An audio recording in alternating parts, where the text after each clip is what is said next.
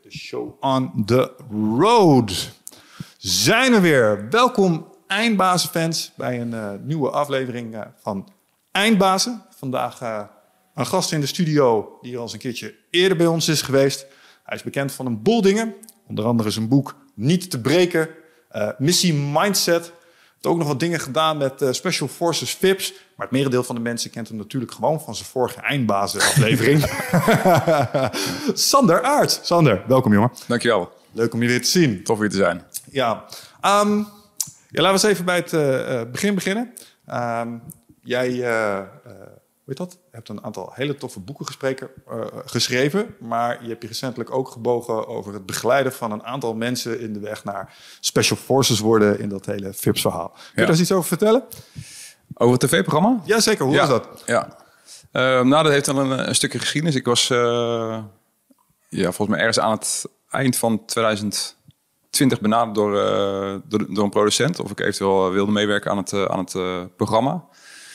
Um, ja, dus toen ben ik eigenlijk dat hele traject ingegaan. Hebben ze een aantal mensen geselecteerd zeg maar, om, uh, om een team daarvoor uh, te vormen. En toen, uh, toen zijn we gaan nadenken over het, over het programma. Dus nou, in grote lijnen stonden bepaalde dingen wel vast natuurlijk, omdat het een Engels format is. Maar daarbinnen kregen we wel echt de vrijheid zeg maar, om het programma en de oefeningen en de werkvormen te, te, designen eigenlijk. dus daar zijn we toen mee aan de slag gegaan. nou, die producenten en die regisseurs hebben de BN'ers uitgezocht. En ja, toen zijn we begonnen met het eerste tv-programma. Ja. Wat vond je uiteindelijk van uh, de uitvoer? Was je blij met hoe het liep? Ja, zeker, zeker. Ja, ja en ik, ik met, met het instructieteam, dus met uh, Erik, Bas en Mitchell, zeiden we achteraf ook van ja, ook al zij nog genees op tv komen, dan was het voor onszelf en voor de deelnemers nog steeds echt een, een hele waardevolle en uh, gave ervaring. Want ja, er waren zoveel bijzondere momenten in het programma. Dus uh, ja, dat de deelnemers echt gewoon voorbij bepaalde grenzen brachten en gewoon tot, uh, tot wat diepere inzichten brachten. En dat was gewoon echt uh, super gaaf om te doen. En ook ja, de hele samenwerking met de regisseurs, de producenten, die cameramensen en, en, en de geluidsmensen, zeg maar, en het hele productieteam daaromheen. Ja, dat was gewoon één hechte klik, weet je wel. Waarbij we constant moesten afstemmen tussen ja, een beetje onze belangen vanuit, vanuit het instructieteam. Wij wilden natuurlijk die, die waarden vanuit de Special Forces behartigen en, en scherp houden. Maar daarnaast is het ook gewoon entertainment natuurlijk. Dus daar moesten we constant een soort van balans in vinden met de regisseurs. En dat, ja, dat pakte hartstikke mooi uit. Ja, ja snap ik. Wat, zijn dan, wat waren spanningsvelden waar je dan mee te maken had? Als je enerzijds vanuit het instructeurskader bepaalde dingen wilt proberen te bereiken. Maar je moet toch de entertainment erin borgen. Heb je dingen misschien milder moeten inkleden als je had gewild? Of wat betekent dit? Um, nou, bij, bijvoorbeeld praktisch, wij, wij willen de, de, dynamiek zo snel, zo, zoveel mogelijk in het programma houden. Dus gewoon constant uh, de druk erop natuurlijk. Maar vanuit de producenten willen ze af en toe gewoon die, ja, die reality momentjes, dat die, dat die deelnemers gewoon bij elkaar komen, even zonder ons erbij, zeg maar, zodat ze kunnen ontladen. En dan, dan, dan heb je vaak de, de, de mooie gesprekken en de mooie, de mooie one-liners. En, uh, ja, en daar hadden we uiteraard, uiteraard ook alle begrip voor. Maar ja, idealiter vanuit de Special Forces ervaring zijn natuurlijk constant willen dat die, uh, dat die druk erop blijft. Dus daar, ja, daarvan moesten we elkaar een klein beetje in vinden. Ja, snap ik. Ja, het leerproces voor de deelnemers natuurlijk uh, uitgebreid gedocumenteerd. Ja. Um, maar ik ben wel even benieuwd wat je dan, uh, want, dat zei je heel, nadrukkelijk. Wat was voor jou met name uh, de leercurve? Of wat waren belangrijke inzichten die jij in dat proces hebt opgedaan? Um, nou, ik, ben eigenlijk in, natuurlijk in, in, mei 2017 ben ik weggegaan bij Defensie. En ja, dan ben je echt gewoon onderdeel van een grote organisatie. En ja, dan, dan zit je ook nauw in een team en heb je allerlei leidinggevenden boven je en allerlei andere stakeholders, zeg maar. En uiteindelijk met mijn eigen bedrijf uh, mocht ik zelf allemaal doen natuurlijk. Dus de afgelopen vijf jaar was ik heel erg gewend uh, aan mijn eigen vrijheid en mijn eigen stukje, zeg maar. En ja, door weer in zo'n ja, groter geheel te stappen, was voor mezelf ook even wennen aan ja, de, dynamiek van het team en mensen om je heen en andere belangen en, en dat soort dingen. Dus dat was voor mij heel leerzaam. En ook gewoon ja, letterlijk op, op, op tv komen en ja, dingen voor een camera zeggen of gewoon de dynamiek van kamermensen en geluid en dat soort dingen. Dat was voor mij ook echt wel, wel leerzaam. Ah, interessant. Ja, vind ik dan ook wel eens experiences. Ja. En um, maakt niet uit hoe vaak je voor een camera zit in het kader van een podcast. Zodra het voor zo'n stukje is voor een experience, is het toch anders. Ja. ja. Veel meer druk erop. En ik, ik weet niet hoe dat met jou zit. Maar ik word altijd een ander mens. Als de camera dan aangaat, ik ga anders staan. Ja. Probeer anders te praten. Ja, weet je wel. Echt heel scherp van, oké, okay, moet nu echt even goed overkomen. Ja, en, en, dan valt me daarna altijd op, kerel, wat maak je daar eigenlijk nog druk om? Ja. Weet je wel, ten, ten, opzichte van al die uren content... waar mensen je soms gewoon in je neus hebben zien peuteren... bij wijze van spreken, weet je wel. Waar maak je je druk om? Um, maar grappig. Dat, herken je dus, dat heb jij ook. Ja, absoluut. hoor. En voor, mij, eh, ik, ik denk misschien mijn, mijn- grootste takeaway of eh, uitdaging zeg maar, met, met, met, dat, met dat soort eh, ja, e- events of activiteiten is gewoon echt, echt di- dicht bij mezelf blijven. Dus ondanks eh, de, de verwachtingen die ik heb dat de mensen van mij hebben, om gewoon toch gewoon mezelf te blijven en gewoon eh, dicht bij, me- bij mezelf te blijven. En ook, eh, ja, ondanks dat de camera's om, om me heen staan, of dat, eh, ja, dat was wel een mooi proces. Ja, nou, ik vind het leuk om te horen, omdat, en ik denk, een gemiddelde luisteraar kan hier ook een, een lering uit trekken. Maakt niet uit wat voor een badass je bent, Ja. maar. De mening van anderen blijft altijd spannend. Zeker, ja, ja. Ja, grappig. En natuurlijk, vooral als het landelijk ook nog eens een keer eh, eh, Ja. op de buis komt. Heb je Ja. leuke feedback gekregen in dat kader? Ja, zeker wel. En eh, ja, kijk, helemaal als je het hebt over, over de mening van anderen. Er waren natuurlijk, en er zijn nog steeds heel veel mensen die, die vinden daar iets van. Dat ik met mijn achtergrond op tv kom helemaal, tenminste helemaal, ook gasten vanuit, vanuit eenheid, weet je, die, dat ik boeken schrijf of dat ik ja, zo, zo in, in, in beeld kom. En voor- juist dat proces is voor mij eigenlijk heel leerzaam. En er zijn heel veel mensen waarvan ik heb eh, eh, die, die mening, die, daar doe ik wel heel veel mee, zeg maar. Maar ook gewoon eh, omgaan met de kritiek en de, de, ja, de mensen die iets van je vinden, is voor mij eigenlijk ook heel leerzaam om een beetje los te komen van die, van, van die oude identiteit. En om, om er gewoon oké mee zijn dat mensen iets van me, van me vinden. Ja, meningen zijn als kontgaten, man. Ja. Ieder, iedereen heeft er een. Ja, en ja. als je om elke mening druk moet gaan maken... Ja, ik, ik blijf erop terugkomen. Dus mensen die dit eh, eerder hebben gehoord van ons, vergeef me. Maar eh, Remco Klaassen zei het hier het meest pakkend. Die zei, oké man, als je iets doet... Ja, maakt niet uit wat je doet. Zoals ja, in, dit, in dit geval boeken Ja. schrijven. eh, iets doen met je Special Forces verleden. Dan heb je twee soorten mensen. Twee groepen mensen. Mensen die het fantastisch vinden. Ja. En mensen die het verschrikkelijk vinden. En zodra jij iets gaat doen om die mensen die het verschrikkelijk vinden eh, naar de zin te maken, dan heb je weer twee groepen mensen. Ja. mensen die het fantastisch vinden ja. en mensen die het verschrikkelijk vinden. Dus het is echt een, eh, het is een infinity loop. Dus daar kun je maar beter niet mee, ja. niet in meegaan. Ehm, wat ik merk dat mij daar heel erg bij helpt, maar dit is wel belangrijk en daarvoor moet je shit wel een beetje voor elkaar hebben. Mening van anderen maakt me niet zoveel uit als ik met mezelf in het reinen ben. precies. Ja. Ja. Dus als ik weet, ja, maar dit is wel degelijk integer. Of ik heb erover nagedacht. En dat is toch dit. Dus dat werkt anders. Maar je hebt er vast wel eens over nagedacht. eh, en vast misschien ook wel de feedback gekregen. ehm, waarom mensen er, van, met name vanuit Defensie ben ik daar wel even benieuwd naar. Waarom is er een negatieve mening over de dingen die je doet? Omdat ik zou verwachten dat het kicken is als er iemand uit je team laat zien wat Ja. voor tof werk je Ja. doet. En dat aan een breder publiek laat zien. Dat, dat is ook een soort van respect Ja. voor jou by proxy dan, zou ja, ik zeggen. ja, ja. Maar dat wordt niet helemaal zo gevoeld. Nee, nee. Ja, de, het echte antwoord eh, zal ik nooit horen. Want vaak gaat het een beetje via via. En soms als je de gasten spreekt, dan eh, wordt, het, wordt het een klein beetje weggemoffeld, zeg maar. Maar over het algemeen, de, de geluid die, die je dan hoort, is dat ik zeg maar eh, uit de school ben geklapt. Dus dat ik ja, zeg maar dingen over mijn achtergrond of over operaties vertel die normaal gesproken achter de schermen blijven. Alleen de waarheid is natuurlijk, ik heb alles gecheckt met Defensie zelf. Dus alles wat ik vertel, ja, dat mag gewoon verteld worden vanuit, eh, vanuit Defensie. Alleen vanuit de cultuur is het nog steeds een soort van nou dan zeg maar om eh, over bepaalde dingen te praten. En, en juist dat is het punt vaak wat ik wil te maken is dat eh, dat ik vaak wil maken is dat om die cultuur een klein beetje open te breken, dus dat, dat die gasten ook gewoon leren praten over bepaalde dingen en niet over alle geheimen zeg maar, maar wel gewoon wat het met hen doen, doet als mens. Ja, ik wou het zeggen, want ik kan me voorstellen dat als je top secret manuals met SOP's deelt, Precies, ja. waardoor de vijand ineens beter kan anticiperen op wat je doet, Ja, ja. dat lijkt me definite no-no. Maar ik wil jou zeggen, dat wordt volgens mij wel gecheckt. Ja, absoluut, ja. Waar zitten de taboes dan?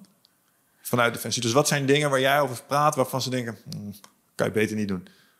Ehm, ja, dat is, dat is een goeie. Nou, ik, ik, ik weet niet zozeer of ze zeggen van hè, dat, dat kun je beter niet doen. Maar ze vinden bijvoorbeeld wel wat van dat ik eh, gewoon over mijn eigen stukkers praat. Of over dat ik eh, me kwetsbaar opstel. Of over mijn eigen onzekerheden binnen Defensie. En eigenlijk ja, helemaal als eh, Special Forces gast of als teamleider. Dan, dan heb je je soort... Dat, dat beeld had ik van mezelf ook. Dat ik, tenminste, dat probeer ik in stand te houden. Dat je altijd alles moet weten. Dat je altijd sterk moet zijn. En, maar helemaal als leidinggevende van een SF-team... binnen zo'n competitieve wereld voor alfamannen... Nou, dan heeft iedereen gewoon zijn onzekerheden. Iedere stap die je neemt kan echt wel gevolgen hebben. Dus daar ga je wat drie keer over nadenken. Dat, dat... En eigenlijk hoe meer ik erover leer... en ook, eh, ik luister heel veel podcasts over Amerikaanse gasten van Delta en van SEAL Team 6... en gewoon tier 1 eenheden, zeg maar. En al die gasten die kanten met dezelfde uh, onzekerheden. Dus ergens is het grappig pas dat mensen dat pas gaan zien als ze weg zijn. En dat ze dan pas uh, het durven te erkennen eigenlijk.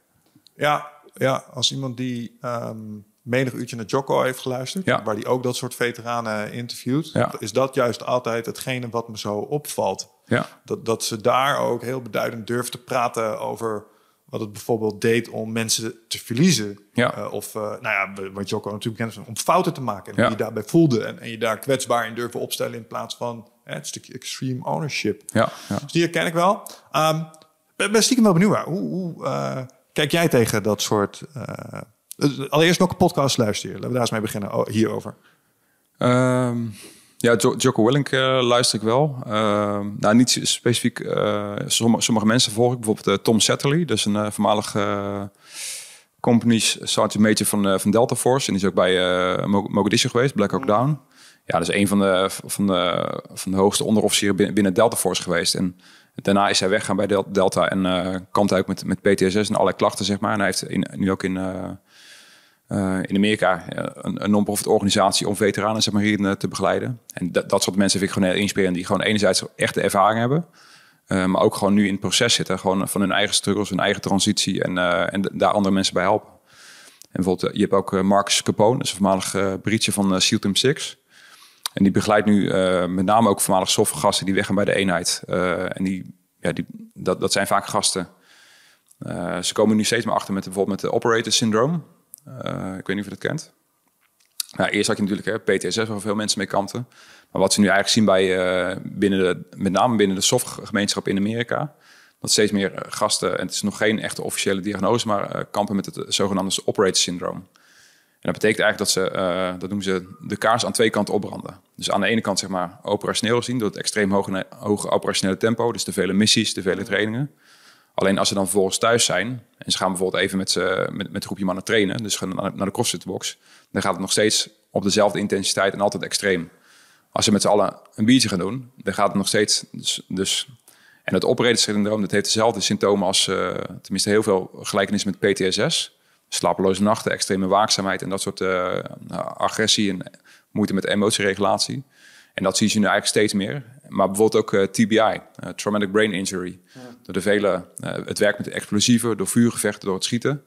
Zie je dat veel gasten met mijn achtergrond een soort van microtrauma krijgen in hun hersenen. En ook die symptomen lijken heel erg op, op PTSS, de slapeloze nachten. En, ja, en nu initieel bij, in Amerika, bij de VA, die Veteran Affairs ja, heel vaak is het gelijk antipsychoticum, antidepressief worden ze een klein beetje gesedeerd, zeg maar. Ja, maar dat, dat werkt natuurlijk niet. Dus bijvoorbeeld die Marcus Capone, die, die organiseert nu ook uh, ceremonies. Uh, die neemt die gasten mee, volgens mij naar Mexico of zo. En ja, echt een week onder intensieve begeleiding met uh, Iboga volgens mij. En ook met, oh, wow. uh, met Bufo Avarius, met DMT. Ja, in één keer krijgen die gasten zo'n ommekeer, zo'n transitie, zeg maar, ook door, door die begeleiding. Dat ze in één keer gewoon ja, niet in één keer van al hun problemen af zijn, maar wel dat er echt een flinke opening is voor, voor heling en voor, uh, voor, voor, voor, transitie. Ja, ja, ik vind het echt te gek dat dat nu in ieder geval onderkend wordt. Want een van de redenen dat ik vroeg welke podcast luister en ik was eigenlijk even stiekem benieuwd naar hoe kijk jij tegen Jocko aan? Heb je al beantwoord? Want, want je, je luistert ernaar. Omdat Ja. Ik weet dat de kritiek uh, die hij soms krijgt is ook een ja, hey, luister man, je doet best wel diepgaande ana analyse soms van uh, Amerikaanse strategieën en tactieken. Mhm. Uh, die ga je vervolgens lopen delen. Ja. Um, je zet jezelf ook neer als een soort specialist, terwijl je het al een tijdje niet meer doet. Ja. Um, en dat is ook een bepaalde. Ja, hoe zeggen ze dat? Daar kijken ze dan misschien met een beetje afgunst naar of zo. Ja. Maar het is gewoon een, een, een ondernemer in dat opzicht. Ja. Um, maar dat, dat stukje over um, PTSD, um, dat is altijd wel een onderwerp geweest waar hij ook heel Ja. uh, open over is. Um, en dat is een leuke ontwikkeling, want in die podcast, als je vanaf het begin luistert, dan merk je ook, als hij ermee begint, dan is hij daar best nog wel een harde noot in. En Ja. gaande over de jaren, naarmate hij er meer over spreekt, dan merk je ook, wordt hij er ook softer in. En dan delen ze ook meer ervaringen daarover. En ontstaat er een soort zwip van, ja, dat, dat kan hier ook gewoon. Ja. Um, en wat daar heel positief aan is, is dat dat denk ik, uh, wat jij ook al zegt, de cultuur binnen Defensie een beetje openbreekt, zodat er misschien ruimte komt voor bijvoorbeeld, ik kan me voorstellen dat als ik dit soort dingen hoor over naar Mexico gaan, Ja. we gaan met een bepaalde substantie aan de slag, dat zou een soort standaard protocol kunnen zijn na uitzending of Ja. zo. Of eh, als je defensie verlaat, eh, een soort nazorg. Ja, Eh, van, hey, je moet nu worden ge, we hebben je geconditioneerd om hele, hele intense dingen te doen. Ja, ja, Nu moeten we je ook weer terugconditioneren. ja. Eh, maar anders ga je heel veel wrijving ervaren. Ja, ja. ja dat, dat is wel... eh nou, to- toevallig dat je het zegt. Ik heb... ehm, ja, eigenlijk sinds, sinds mijn eigen transitie ben ik er wel veel over nadenken. En eigenlijk de afgelopen jaren ben ik wel aan nadenken hoe ik daar zeg maar, invulling aan kan geven. Ik denk niet dat jij iedereen zeg maar, door een standaard programma kunt drukken zeg maar, die, die weg gaat bij Defensie. Maar ik ver- vergelijk het wel altijd met... eh, ik, ik ben ook bijvoorbeeld du- duiker geweest. Nou, uiteindelijk als je dan zeg maar, helemaal met, gewoon met perslucht gaat duiken naar een bepaalde diepte... en de bui stikstof op... En voordat je dan weer naar, de oppervlakte komt, dat moet je gefaseerd doen eigenlijk. Anders hè, zet die stikstof te snel uit en dan kom je echt gewoon in de problemen.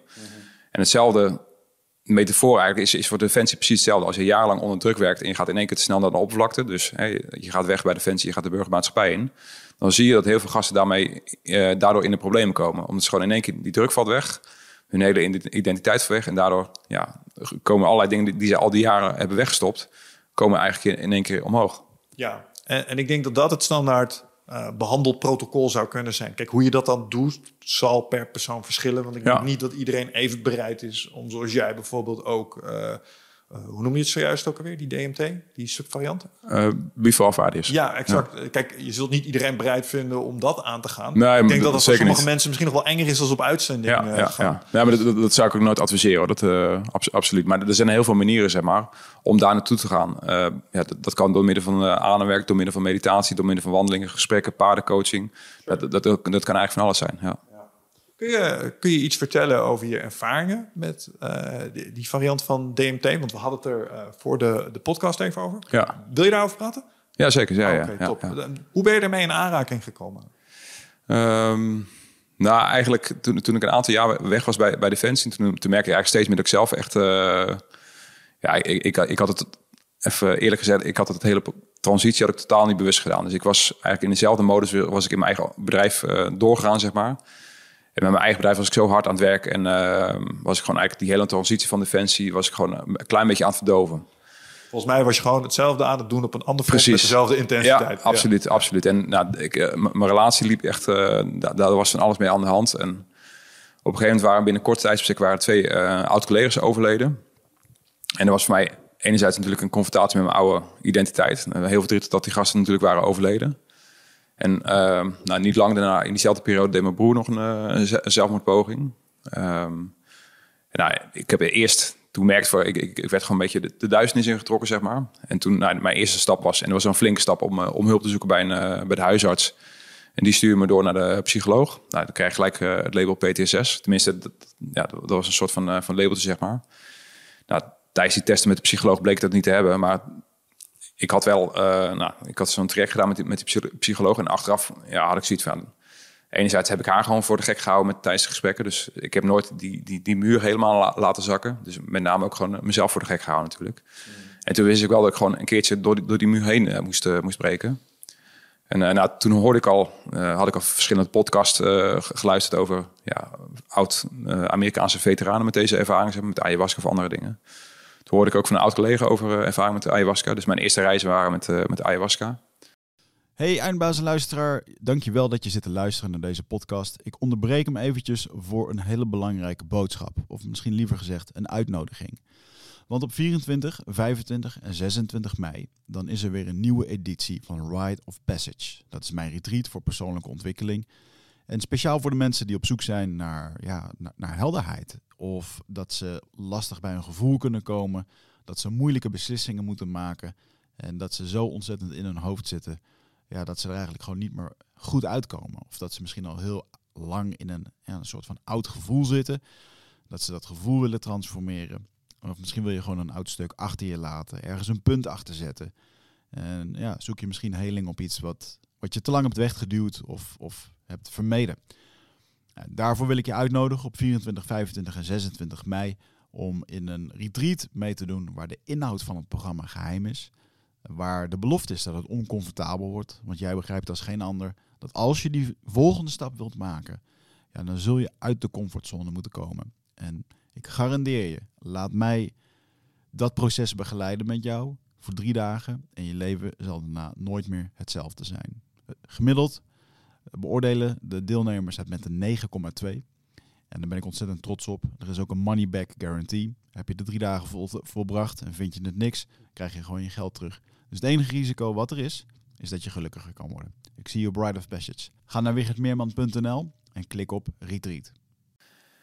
Uh, ja, super helend. Echt gewoon echt een mooie, mooie stappen gemaakt. Maar ook zelfs tijdens de ayahuasca-reis behield ik altijd nog een soort van, van waakzaamheid.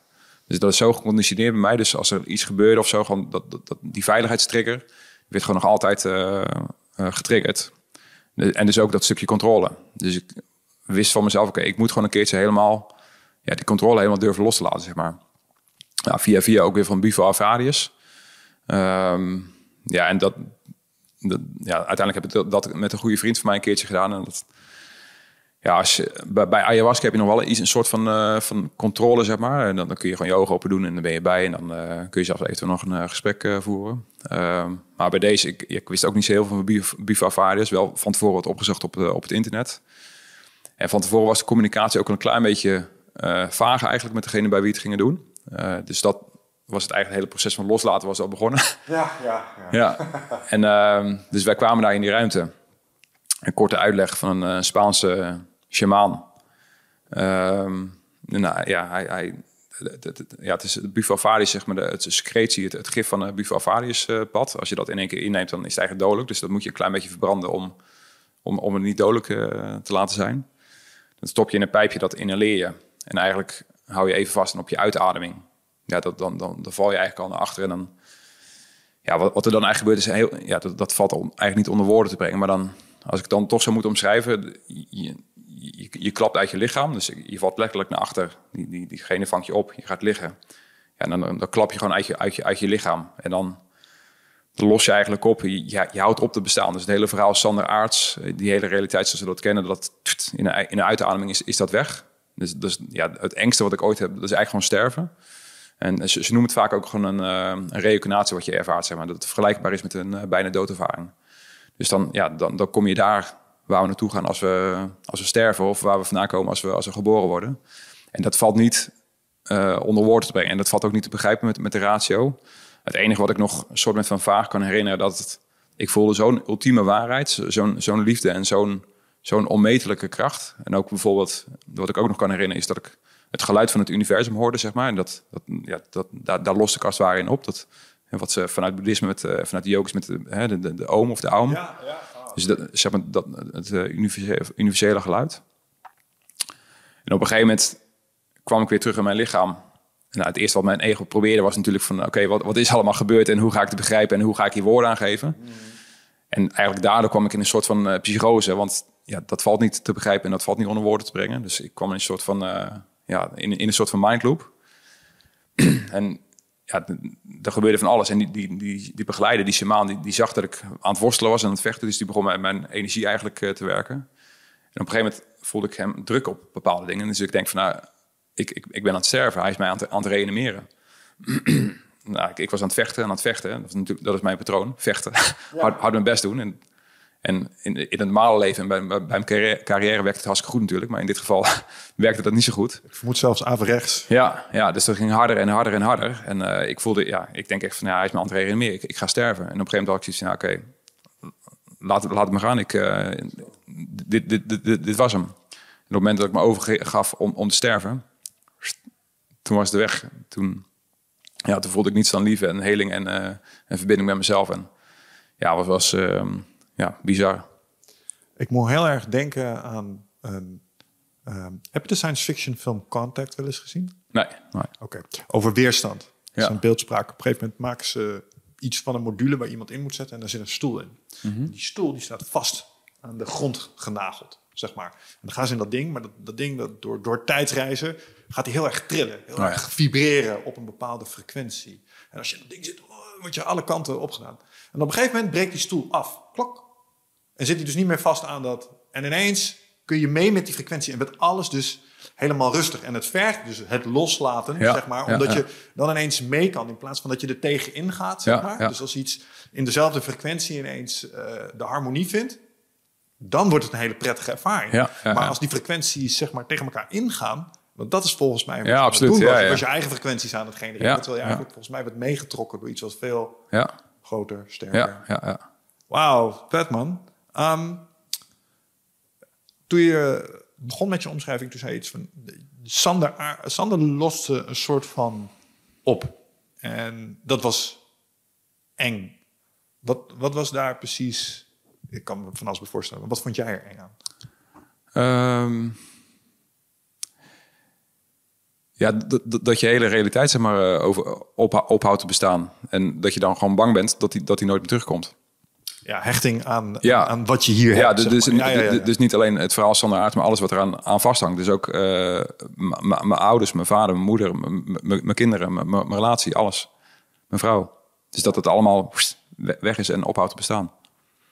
Ja. Dus het, het, het ging in, in essentie niet alleen om het verhaal Sander Aert, maar eigenlijk al, alle verhalen die daar aan, aan vast zaten. En, en die hielden op. Ja, maar, maar toen je de, laten we het zeggen, de brug over was, was dat er niet meer en was het eigenlijk. Ja, was precies. Het, was het prettig aan de andere kant? Laten we het dan maar zo vragen. Ja, dat, dat, dat, dat, kan, dat kan ik niet zo heel goed herinneren eigenlijk. Ehm, ja, pre- prettig weet ik niet. Durf, durf ik niet meer te zeggen. Maar het was wel heel indrukwekkend. En heel, ja, gewoon zo'n...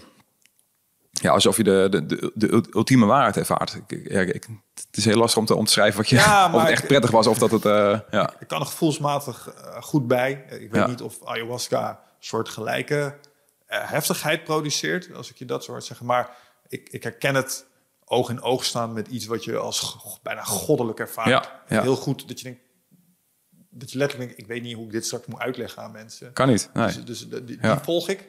Ehm, ja, en de, de reden dat ik het eh, super fascinerend vind, is, we zeiden het er straks ook al, toevallig eh, was er recentelijk een, eh, is een podcast uitgebracht door Joe Rogan met Rick Streisand, die natuurlijk onderzoek heeft gedaan naar DMT, Ja. de spirit molecule. Ja. En die omschrijven ook ehm soortgelijke dingen. En zij zeggen echt gewoon zonder schaamte of taboe van ja, maar dat, dat is echt een poort.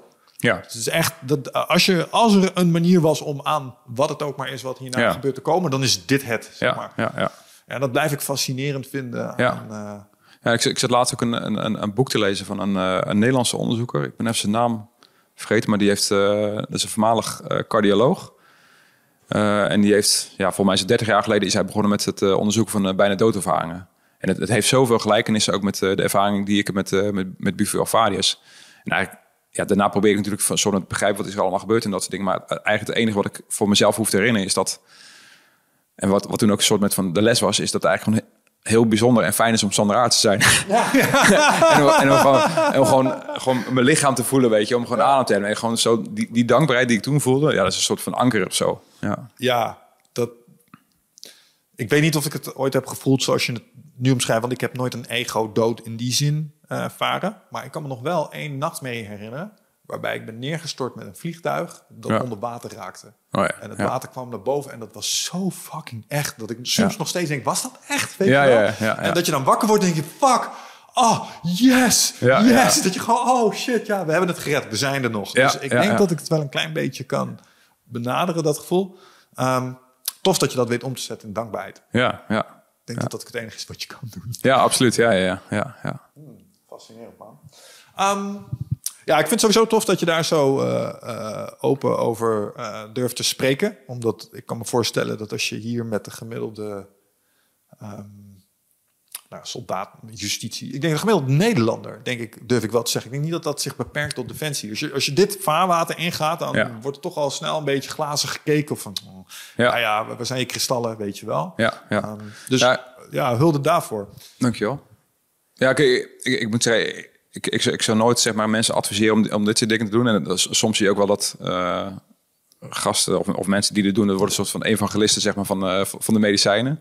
Maar ieder- iedereen heeft zijn eigen pad. En, eh, en ook met dit soort dingen, het ook absoluut meer vragen opleveren dan, het, ja, dan, ja, dan, dan dat je antwoorden krijgt.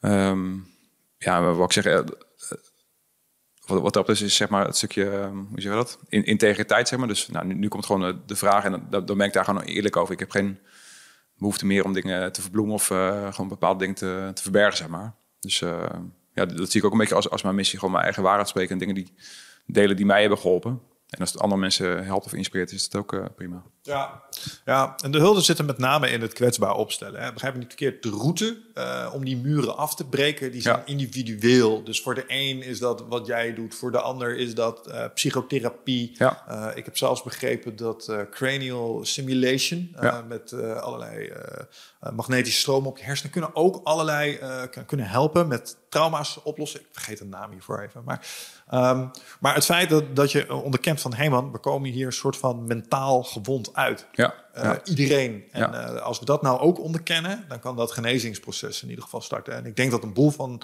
uh, van de mensen met dat soort beroepen um, ook heel erg prat gaan op het feit dat ze zeg maar gewoon doorlopen met die shit. Precies. Ja, ja. Van, Ja, eh, nee, I'll carry that. Dat is mijn kruisje om te dragen. Ja.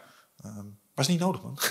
Nee, st- sterker nog, ik, ik denk als je, als je het hebt over, over een, stukje, stukje leiderschap. Het, natuurlijk is het hartstikke goed dat jij, gewoon, tenminste niet, niet goed, maar hartstikke stoer dat jij sommige dingen zelf kunt dragen. En dat je alleen, wat ik zelf heb gemerkt, en dat is ook eigenlijk mijn primaire reden dat ik dat, ik dat proces in ging, is dat ik gewoon mijn shit overdroeg op mijn kinderen. Ja, en dan, dan geef door aan de volgende generatie, zeg maar. Dus ik had nu voor mij het vermogen niet alleen om de dingen die ik heb meegemaakt eh, bij Defensie, maar ook gewoon eigenlijk alles wat ik tot nu toe heb ontwikkeld. Om te kijken, van, joh, is het nu echt dienend voor mezelf of voor, voor mijn omgeving? Zo niet, dan ga ik mee aan de slag. Ja. Nou ja, en, en wat daar heel sterk aan is, is onderkennen wat de oorzaak is. Ja, ja. Dus uh, ja, wat je zelf al zegt, man. Het kan zelfs zo fysiek zijn als regelmatig in de buurt staan van explosies. Ja. Of uh, wat dacht je van de geluidsverplaatsing van het afvuren van een wapen? Ja, Dat ja. doet ook iets. Ja. Um, ik eens iemand die een keer een buks uh, niet goed tegen zijn uh, gelaat had zitten. En dus vervolgens uh, met een Ja. blauw oog liep Ja. voor Ja. twee dagen. Omdat dat, dus dat doet iets. Ik kan me 100% voorstellen. Ik, ik had trouwens nog, ik weet niet, misschien wel leuk om te vertellen. We, we hebben nu allemaal over best wel zware psychedelica en dat soort dingen. Maar eigenlijk eh, bij iedere reis komt mijn ademhaling wel als een soort van ultieme kracht zeg maar, naar, 100%. naar voren. En een tijdje geleden had ik een, eh, een soort van ademhalingsworkshop van een eh, goede vriend van mij. Die, die begeleidde dat. En ik deed gewoon mee met zijn, met zijn workshop Je eigenlijk. mag een plug hoor. Wie is het? Uh, Oscar Bieleveld. Oké. Ja, Zou dat naar Oscar? ja, Oscar, Oscar Bieleveld, uh, eigenaar van een, ook een eigen bedrijf, maar die is nu ook bezig als, als ademcoach. Um, en ik, ik deed mee met zijn, uh, ja, met, met zijn workshop. En nou, we gingen best wel diep. Ik doe regelmatig ademwerk. Maar hij deed het onder begeleiding, echt gewoon met muziek erbij. En gewoon, ja, gewoon echt heel krachtig eigenlijk. En dan ging ik steeds dieper en ging steeds dieper. En op een gegeven moment kwamen de fladder van Afghanistan voorbij. Dat wij eigenlijk in gewoon, gewoon gedachten of gewoon... Ik voelde gewoon een klein beetje de energie van Afghanistan. En wij hebben daar in Afghanistan een keer um, met, met z'n tweeën een groep... Volgens mij heb ik het in de vorige podcast ook verteld. Met, met z'n tweeën een groep Taliban-strijders in een hinderlaag laten lopen. En op een gegeven moment, uh, de dag daarna, zagen wij die, moesten wij een soort van battle damage assessment gaan doen bij die lichamen. Dus die, die, die beelden van die lichamen kwamen weer bij. Dus, en eigenlijk verwacht ik die eigenlijk mijn hele uh, sinds ik weg ben bij Defensie, verwacht ik die al een keertje voor, voor mijn kiezer te krijgen bij de reis. Ja. Bij, bij mijn reizen. Maar vanuit daar ging ik eigenlijk door naar, naar Ethiopië. Dus, en in Ethiopië hadden we een keer tijdens een patrouille, toen was ik net twintig volgens mij.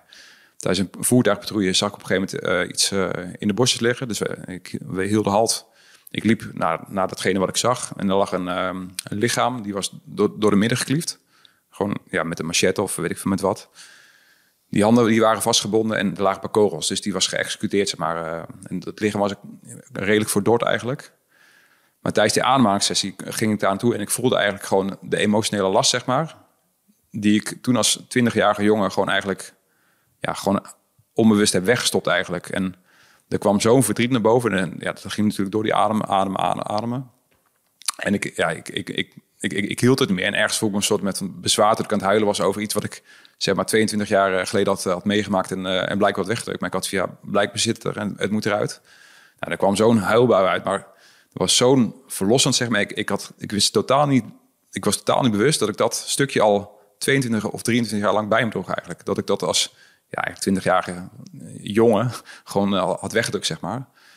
Maar blijkbaar moest het eruit. En uh, ja, zoiets komt dan naar boven eigenlijk met je ademhaling. Dat was zo'n helende mooie ervaring eigenlijk. Ja, ja ik Wauw, ja, heftig. Ja. Geen, geen, woorden voor dat, dat soort ervaringen in je realiteit hebben. Snap je? Ik heb, ja. ik heb geen enkel referentiekader voor zoiets. Ja. Um, maar uh, ik kan me voorstellen dat als je er dan doorheen werkt, uh, want ik vind het zo knap hè, van het lichaam dat het dit kan. Laten we Ja. dat voorop stellen. Ja. Dus je zit in een situatie, het moet nu. Fuck it, we hebben systemen om dit Ja. te kunnen. Pap, pap, pap, we zetten het ergens neer. Maar vervolgens, zo heb ik dat wel eens omschreven met eh, het alcoholisme van mijn moeder, zeg maar. Waar ayahuasca ook mee geholpen Ja. heeft. Ik had zonder dat ik het wist, had ik een eh, shitload aan bakstenen in mijn rugtas zitten. Ja. En eh, toen kwam ayahuasca en die deed, weet je wat we doen? Zet hem even op de kop, klonk, klonk, klonk. Zo, die zijn nu uit. Hey, fijne dag nog, hè? En, en ineens ga je lichter het leven door. Ja. Ehm, en, en dat kan dus blijkbaar ook met aanhouden. Want ik kan me niet anders voorstellen als dat dat toen die bui voorbij was, dat jij lichter 100%. door het leven ging. 100%, ja. En, dat, en dat, bijvoorbeeld ook het, het werk van eh Gabor Mate, ken je dat? Ja. Ja, ja, zijn boek heet volgens mij The Body Keeps, Keeps a Score.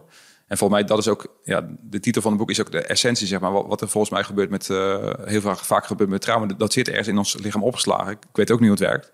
Maar ik weet wel dat je het onder andere door middel van ademwerk, zeg maar, kun je het, eh, kun je het eh, eruit halen. Ja, zoals het mij is uitgelegd, is dat ehm, nou, het voorbeeld wat daar altijd bij wordt aangehaald, is natuurlijk het voorbeeld van het, het hert. Dat Ja, ja. zeg maar schrikt en dat, dat schudt zichzelf helemaal uit. Ja, Ehm, want eh, de spanning wordt inderdaad opgeslagen in het lijf. En op het moment dat dat wordt afgekapt, zeg maar, om wat voor reden ook, bijvoorbeeld omdat je door moet, Ja. we moeten door Ja. of hé, hey, we horen nog iets en we moeten verder, ehm, is het proces nog niet helemaal afgewikkeld. Ja. Eigenlijk. Dus er staat een soort half-af proces. En nu zit het dus vast ergens in je lijf. Heel vaak in spieren. Ehm, en ehm, ik heb het ook al vaker verteld hier, maar we hadden hier toen eh, Steve Maxwell. En die had het over rolfing. En rolfing is een manier van eh, basically eh, ehm, gewoon spieren losmaken. Maar niet zachtaardig, een beetje mylogenics-achtig, zeg maar. Mhm. Oh, ja. Echt om de verklevingen eruit te halen. Ja, ja. Ehm, maar met als doel om het trauma los te maken. Dus daar waar mylogenics zeg maar echt oké, het vast, we gaan dit losmaken. En dat was eigenlijk logisch, want ik heb ook wel eens gehad, ik heb ook mylogenics gedaan. Als je mensen dan behandelde, dat ze soms emotioneel worden. Ja. Dan denk je, doe ik je zeer? Nee, nee, ik weet niet waarom, ik wil gewoon eh, Ja, even- ja. En dan, komt er iets los of zo. En wat ik zo knap vind, is dat, je, eh, dat die emotie die er dan bij hoort, blijkbaar een soort van opgeslagen is in een of andere configuratie. En dat dat dan ineens allemaal... Fascinerend, hè?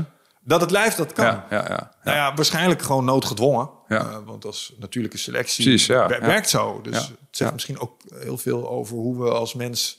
waar we mee te maken hebben gehad. Absoluut, ja. ja. Ehm, misschien een moeilijke vraag.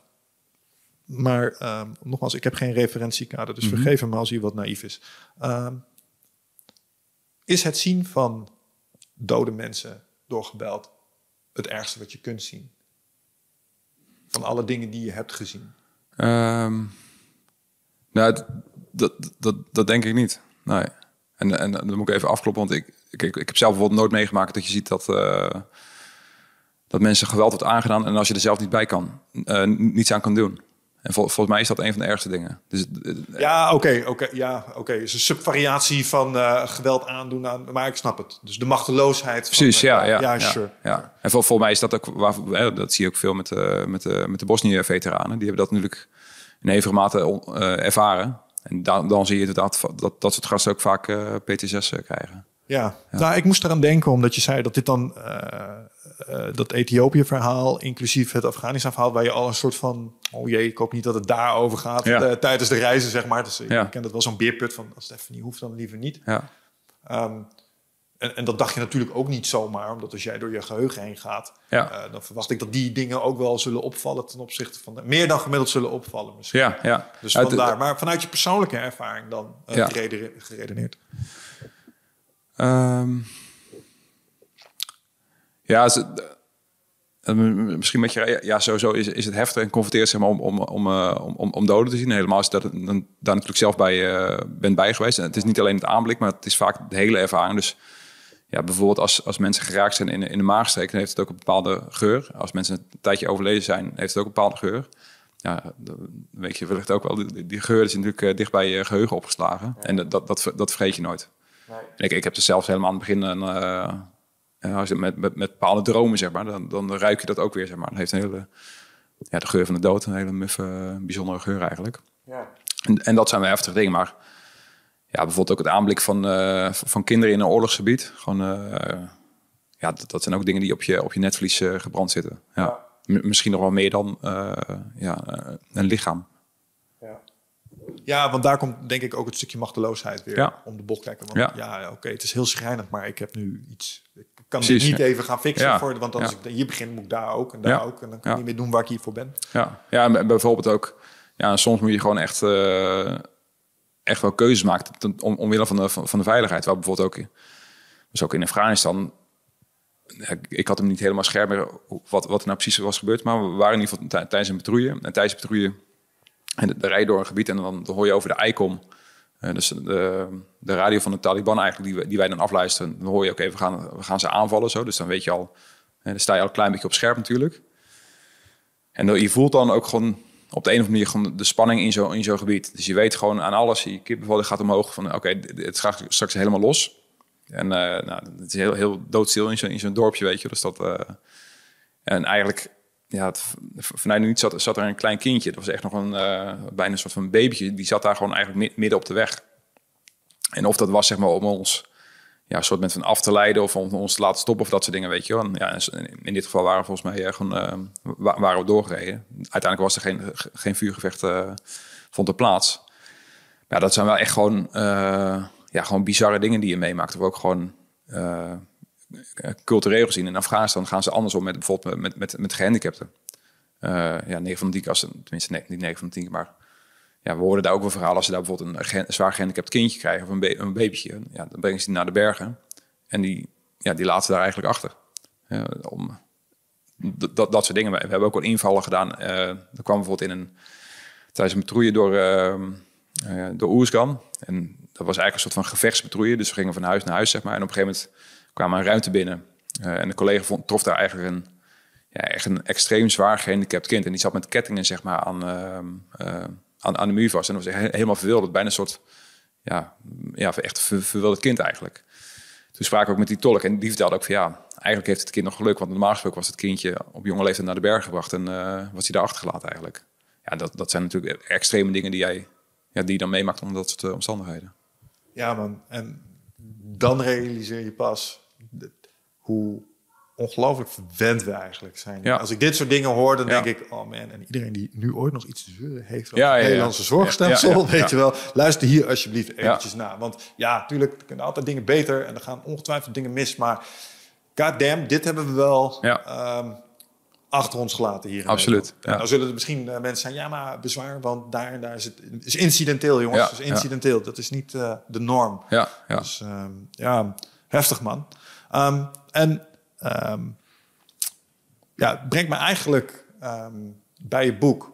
Mhm. Omdat ehm, het mogen duidelijk zijn dat de dingen, de klussen die jullie proberen te klaren in bijna altijd in extreme omstandigheden zijn. ja. Qua mentaal, mentaal spel, qua intensiteit, qua bedreiging voor je eigen eh, veiligheid en je eigen lijf en lendenen.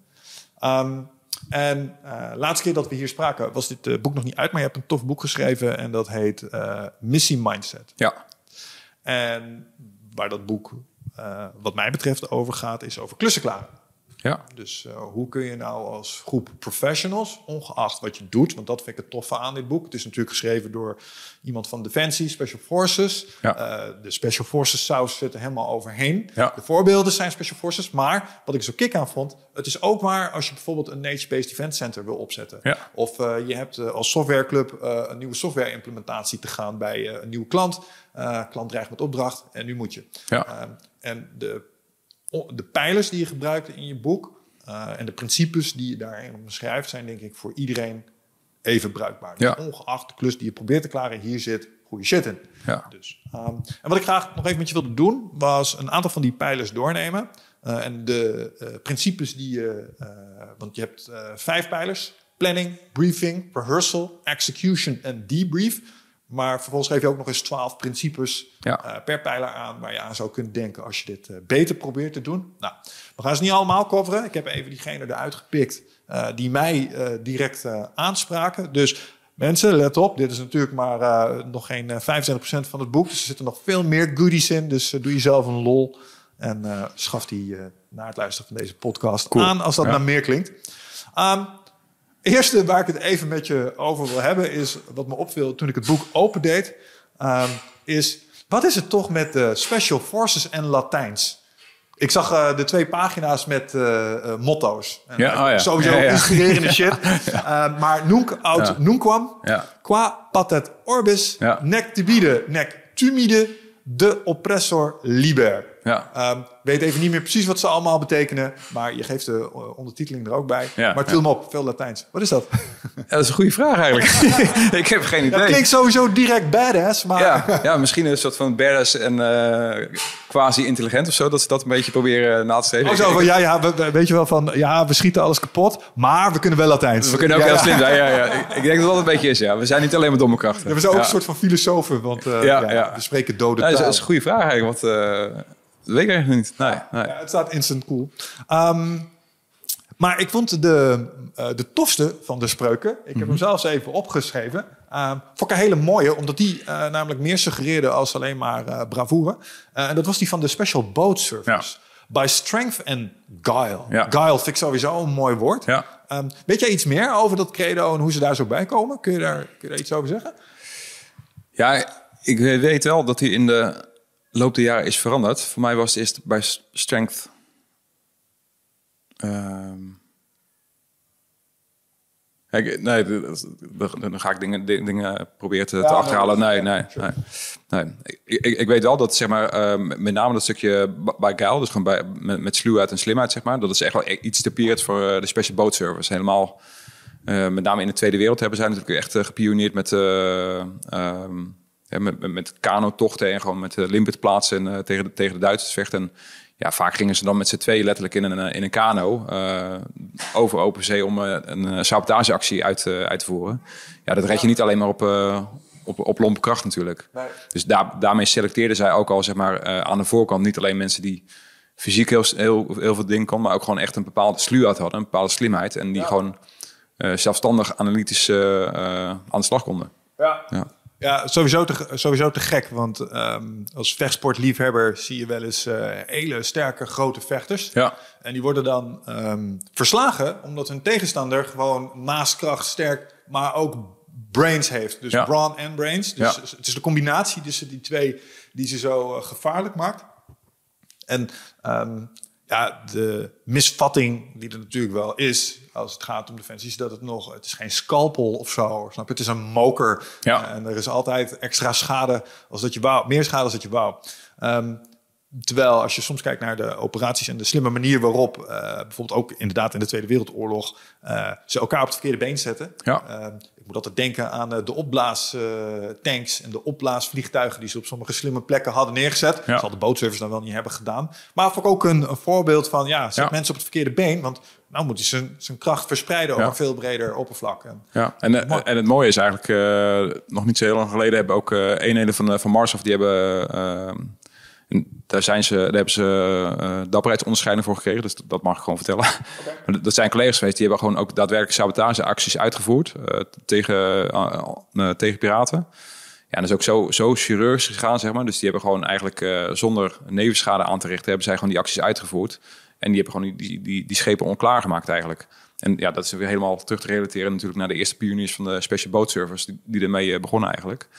Ehm, maar ja, dat is inderdaad bij Strength, want, ehm, en bij Geil. Want enerzijds moet je natuurlijk onder het schip zien te komen, onder de meest moeilijke omstandigheden, met stroming en met, met haaien en weet ik het allemaal. Maar uiteindelijk moet je ook nog zeg maar, de finesse hebben om een lading te bedenken en die op de juiste manier te plaatsen, zeg maar, z- eh, zonder dat die eh, nevenschade aanricht. Ja. Ja. We zijn laatst bij de EOD geweest. Een Oh, gaaf. experience. Ja, Ja. dus eh, ik- snap hier inmiddels iets meer van. Ja. Omdat we, we gaan eh, binnenkort nog terug gaan we een eh, uitgebreid interview doen. Gaaf. Een van de mannen daar. Maar we zijn, we zijn mee geweest met zo'n team. En die hebben ons inderdaad ook springstofsoorten laten zien. En eh, Ja. eh, in wat voor situaties ze soms terechtkwamen. Ja. Ze hebben scenario's laten zien. En dan inderdaad, het is ook een soort van schaken ergens. Ja, ja. Je, je, je schaakt met degene die de bom onklaar moet maken. Ja, met ja. decoys erin en zo. Dus in zo'n, ja, dan is dat natuurlijk in jullie geval niet aan de orde. Maar ehm, er komt meer bij kijken als gewoon een stuk dynamiet eh, met een wekker eh, erop. eh, Absoluut hoor, ja, ja, absoluut. ergens ophangen. Ja, Ja. te gek. Ehm, en wat was je eigen persoonlijke favoriet van die quote? Heb je er een? Ehm, ja, die van de Special Boat Service vind ik mooi. Nou, uiteraard die van uh, Marshof. Uh, nek te midden, nek te midden. Zonder vrees en zonder hoogmoed. En dat, Ja.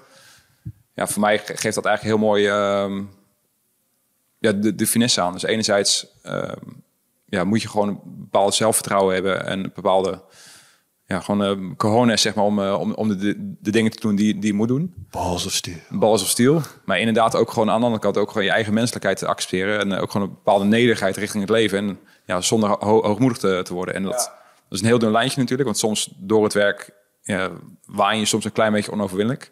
Maar dat is niemand. Dus dat, ja... Nee, ja, je kan, je kan een poging doen om jezelf iets kogelvrijer te maken. Maar er zijn altijd uh, dingen die het uh, probleem oplossen. Die ga je... Even terug naar de EOD. Dus, ja, uh, sommige, ja. sommige bommen doen wij geen pak aan hoor. Ja. Helpt toch niet? nee, nee, nee. nee. kan, kan alleen maar je lijden verlengen. Ja. Oké, okay, check. Hey, um, thanks. Even een kleine segue. Want ja, het viel me op in de rap. ik ben gek op dat soort kreten. Dus ja. vind ik mooi. Ik weet niet, kietelt ook altijd. Ja, dus ja, ja wat, dat, wat dat toch is. um, maar laten we eens kijken naar de, um, de vijf pijlers en een aantal van de principes uh, die erin zitten. Ik zei het al: uh, planning, briefing, ja. rehearsal, execution en debrief. En misschien kunnen we eerst even high level uh, die vijf uh, bekijken en dan kunnen we daarna iets uh, meer inzoomen. Maar um, deze vijf pijlers, is dit, is dit standaard operating procedure binnen Defensie of is dit ook een beetje een eigen invulling daaraan? Ja, in, in grote lijnen wel. Ja. In grote lijnen loopt iedere militaire operatie wel, zeg maar via deze pijlers en soms echt met de grotere operaties. Uh, zijn het meer uh, fases, meer, meer, meer, stappen, zeg maar. Maar in grote lijnen zijn het wel echt uh, de fase van een, van een militaire operatie. Ja. ja. Oké. Okay. Um, ja, first thing first, denk ik dan. Um, planning. En planning vind ik interessant, zo zei het al. Hè. Er zijn parallellen te trekken met het bedrijfsleven. Want mm -hmm. iedereen snapt dat planning noodzakelijk is. Ja. Maar ik zie mensen soms te veel plannen. Ja. Um, en misschien is dat iets wat je herkent en misschien is dat iets uh, uh, waar, je over, uh, waar je iets meer over zou kunnen zeggen. Is dat een valkuil die je onderkent? Ja, um, nou eigenlijk sowieso, ze hebben de, de opzet van het boek en, en, en die cyclus, zeg maar, die, die is een klein beetje ontstaan ook door, door de training die we geven. Want vaak bijvoorbeeld met, met teamtraining en dat soort dingen zetten het team een klein beetje onder druk. En dan zie je heel vaak dat ze gewoon gelijk in, in actiemodus schieten. Dat, dat zie je wel, wellicht wel herkennen. Ja. Dus we, relateren heel vaak terug, oké, okay, voordat je iets gaat doen, doorloop deze vijf fases. En dat hoeft niet heel uitgebreid, zeg maar. Als je, als je druk op de keten staat, kan het heel, een hele korte cyclus zijn. Maar als je in ieder geval deze stappen doorloopt, ja, dan heb je in ieder geval alle processen gewoon voor jezelf scherp. En dan, ja, dan sla je 9 van de 10 keer, tik je eigenlijk alles wel af wat je, wat je af moet tikken, zeg maar, voordat je daadwerkelijk uh, je, plan, je plan gaat uitvoeren. En wat we eigenlijk altijd doen, helemaal met, met de planning, uh, is uh, een van de belangrijkste dingen is ook een, een tijdslijn maken. Dus als wij bijvoorbeeld uh, nou, bijvoorbeeld met zijn antiterreur-eenheid weten, oké, wij moeten over, uh, ik noem wat, twee uur moeten wij de, de instap doen. Dus dan moet de actie beginnen. Dan hebben wij zeg maar, deze tijd voor, voor, de planning. En dat zorgt er eigenlijk voor dat wij ook een tijd koppelen aan onze planning. Dat wij niet over gaan, gaan, gaan, gaan overanalyseren. Het zorgt ervoor dat wij wel de, de planning in grote lijnen doorlopen. Maar dat we op een gegeven moment ook zeggen, oké, okay, cut-off time, nu moeten we door naar de volgende fase en nu moeten we in actie gaan komen. Dus dat, dat zie je inderdaad, ja, soms zijn er mensen die helemaal niet plannen. Een beetje de, wat uh, praktische mensen, weet je wel. En die pushen juist een beetje, hè, ga, ga, nadenken over je plan en hoe je het wil aanpakken. Maar soms ook sommige groepen of, of bedrijven, ja, die zitten inderdaad in de overanalyse en die hebben gewoon moeite om die volgende stap te maken. Ja, ik weet niet wie, uh, volgens mij was deze uitspraak van Benjamin Franklin, maar als ik jou acht uur geef om ja. een boom te vellen, dan mag je vier uur spenderen aan het scherpen van de bijl. Ja. Dan ja. mag je nadenken hoe je het gaat doen en zorgen dat je shit voor elkaar is om het te doen. Uh, in plaats van direct uh, beginnen met hakken. Precies. dat is eigenlijk wat ik jou hier ook een klein beetje ja. hoor zeggen. Ja. Ja. Nice. Ja, uh, ik denk dat dat een goed is. En, en de andere kant van het verhaal, kom je dat ook wel tegen? Dat dat soort van overpland wordt of uh, te veel ja, ze, ze, op de planningsfase van het stuk? Ja, zeker wel. Ja, ja en dan, dan zie je met name, uh, tenminste wat, wat ik er vaak zie, is dat zeg maar ja, mensen beginnen te roepen om het roepen. Dus die voelen zich een soort met van uh, verantwoordelijk. En denk, denk van ja, ik, ik moet een duit in het zakje doen. En helemaal als het druk op de keten staat, hoe meer mensen duit in het zakje gaan doen, des te groter chaos het wordt. Dus wat wij er vooral eigenlijk mensen proberen mee te geven, is voordat je iets zegt, ja, gaat het echt bijdragen aan het plan? Of is het puur jouw eigen die even iets wilt, roepen? En naast ook, ja, nogmaals, dat, dat, dat stukje tijdsplanning. Dat, dat er één iemand van tevoren gewoon echt de leiding pakt en, en de tijd bewaakt. En zorgen dat, het, uh, ja, dat, dat er op een gegeven moment een knoop wordt doorgehakt. Ja. Oké okay, jongens, we gaan nu door met het plan in plaats van uh, overanalyseren. Ja, ik zie daar ook wel een, een ding van um, een component van onzekerheid zit erin. Ja. ja. En, en, een component van, uh, ik weet niet of je de term kent, SIA. Cover your ass. Oh ja. Want als we maar goed plannen, eh, en we hebben heel veel gepland... en het gaat mis, kunnen we in ieder geval zeggen dat we heel goed gepland hebben. Dus dan is het niet onze schuld dat het mis is gegaan, want we hebben heel goed gepland. Ja, ja. Ja, en wa- wa- wat je zei, het- vaak zit er ook een stukje van eh, perfectionisme in. Dus dat, dat ze echt het perfecte plan willen hebben. Maar 9 van de 10 keer ja, zul je uiteindelijk zeg maar, het plan gewoon moeten gaan doen en gaan, gaan gaan bijsturen. Een perfect plan. Ik heb nog nooit een operatie gedraaid die volledig vol, volgens plan was. We zijn altijd bijsturen. Alleen het planning zorgt er wel voor dat je terug kunt vallen op bepaalde fundament, fu- fundamenten. Dus een van de dingen die we altijd meegeven met de planning is eh, de most dangerous course of action. Dus het gevaarlijkste wat kan gebeuren. Da- daar moet je op voorbereid zijn. Dus de specifieke acties. En als jij de most dangerous course of action weet en de most likely, likely course of action, dus jouw gewenste koers, eigenlijk alles daartussenin kun jij wel gaandeweg opvangen en bijsturen eigenlijk. Ja. Ja. ja, want het is een spectrum en dat valt binnen die twee opties. Precies. Dus als je de ene kent, ken je de andere ook. Ja. Ja, duidelijk verhaal. Hey, een paar, paar dingen waar je eh, over schrijft in je boek waar ik het eh, even over wil hebben. Ehm, binnen planning bestaat een concept en dat heet end state. Wat Ja. bedoel je daarmee? Ehm, nou, vanuit militair perspectief is dat eigenlijk de, het effect dat je wilt eh, bereiken. Dus als bijvoorbeeld eh, de, de operatie is eh, dat je een, een, een, hoe zeg je dat? een ID-facilitator moet arresteren. Nou, dan kan dat de missie zijn. Oké, die, die ID-facilitator is gearresteerd en die is terug op het kamp in, klaar voor ondervraging. Alleen de end state is eigenlijk het effect wat, wat je daarmee bereikt. Dus bijvoorbeeld dat je meer stabiliteit in, in, in het gebied realiseert eigenlijk. Ah, het is de supergoal, zeg maar, die eh, wordt gediend door het bijvoorbeeld behalen van een Precies. bepaald objectief. Ja. Of, eh, ah, Ja. ja. Ja, Dus, dus er kunnen meerdere doelen leiden tot een bepaalde end state. Maar dat hoort ook bij je planning. Ja. Ah, Ja. oké. dus eh, het dwingt je eigenlijk om ook voor- voor- voorbij je eigen doel te denken.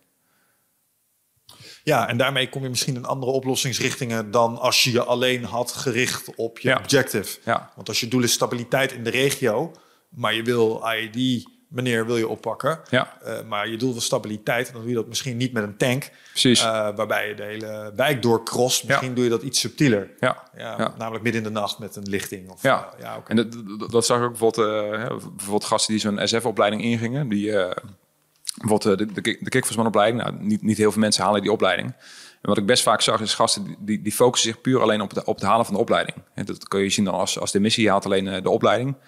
Alleen voor, voor mij persoonlijk wa- was de endstate om gewoon zo goed mogelijk mijn werk te doen binnen die eenheid. Ik wilde heel graag dat werk doen. Dat, dat was eigenlijk mijn, mijn endstate. Ja. En eigenlijk alle ellende, zeg maar, eh, eh, om daar te komen, dat, dat, dat, dat faciliteerde mij, zeg maar, zo goed, zo goed mogelijk, om zo goed mogelijk straks eh, dat werk te kunnen doen. En door goed na te denken over je endstate, dus in mijn geval, zeg maar, bij de eenheid komen, ja, dat, dat kun je, daar kun je eigenlijk kracht uit putten als je een keertje er doorheen zit of als je het, als je het even zwaar hebt. Dat je jezelf bij jezelf afvraagt, oké, wa- waarom zit ik hier in deze ellende? Oh ja, dat, dat zorgt ervoor dat ik straks zo goed mogelijk mijn- werk kan doen. ja man, een high purpose. Ja, Ja, precies. super objective. Dat Ja. werkt altijd. Ja, nee, maar zeker als het gaat om het, eh, het motivatiestukje. Ja. Ja, ah, helder verhaal. Ehm, duidelijk. Eh, een ander onderdeel waar je het over had was pattern of life. ja. Wat is pattern of life? Eh, als wij zeg maar, nieuw in een gebied zijn, een op operatiegebied, eigenlijk een van de eerste dingen voordat wij zeg maar, echt daadwerkelijk missies in het gebied gaan, eh, ga- gaan plannen, gaan wij eh, kijken wat de pattern of life in het, in het gebied is. Ehm, dus dan ga je kijken naar eh, de beweging van de lokale bevolking, naar de lokale flora en fauna, naar, eh, naar misschien wel de beweging van, de van de dieren daar in het gebied. Ik, ik, noem het dwarsstraat, naar, de meteo. Je gaat gewoon alles puur analyseren, zeg maar, zodat jij gewoon voldoende context hebt om je operaties op, op eh, te plannen, zeg maar. En als wij bijvoorbeeld ook, eh, bijvoorbeeld met de verkenningsmissie, als wij dan eh, nou, een, een dorp of een object onder waarneming moeten, moeten houden, dan gaan we kijken wat is het pattern of life daar van het specifieke object. en op basis daarvan kunnen we eventuele vervolgacties eh, gaan plannen.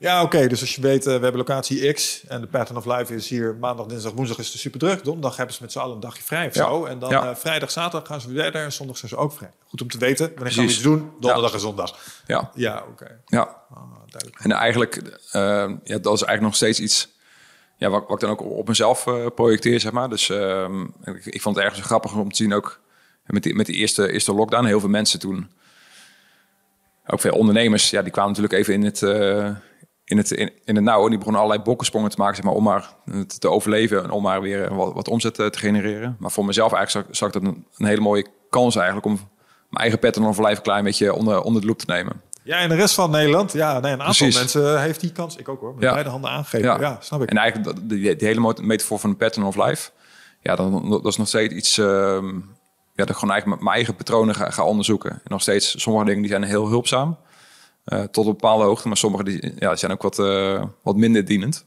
Ja, en hier, in, eh, dit is interessant, want je kan namelijk, eh, want we hebben het over planning en het bedenken van doelen, of doelen behalen. Pattern of life kan een doel op zich zijn.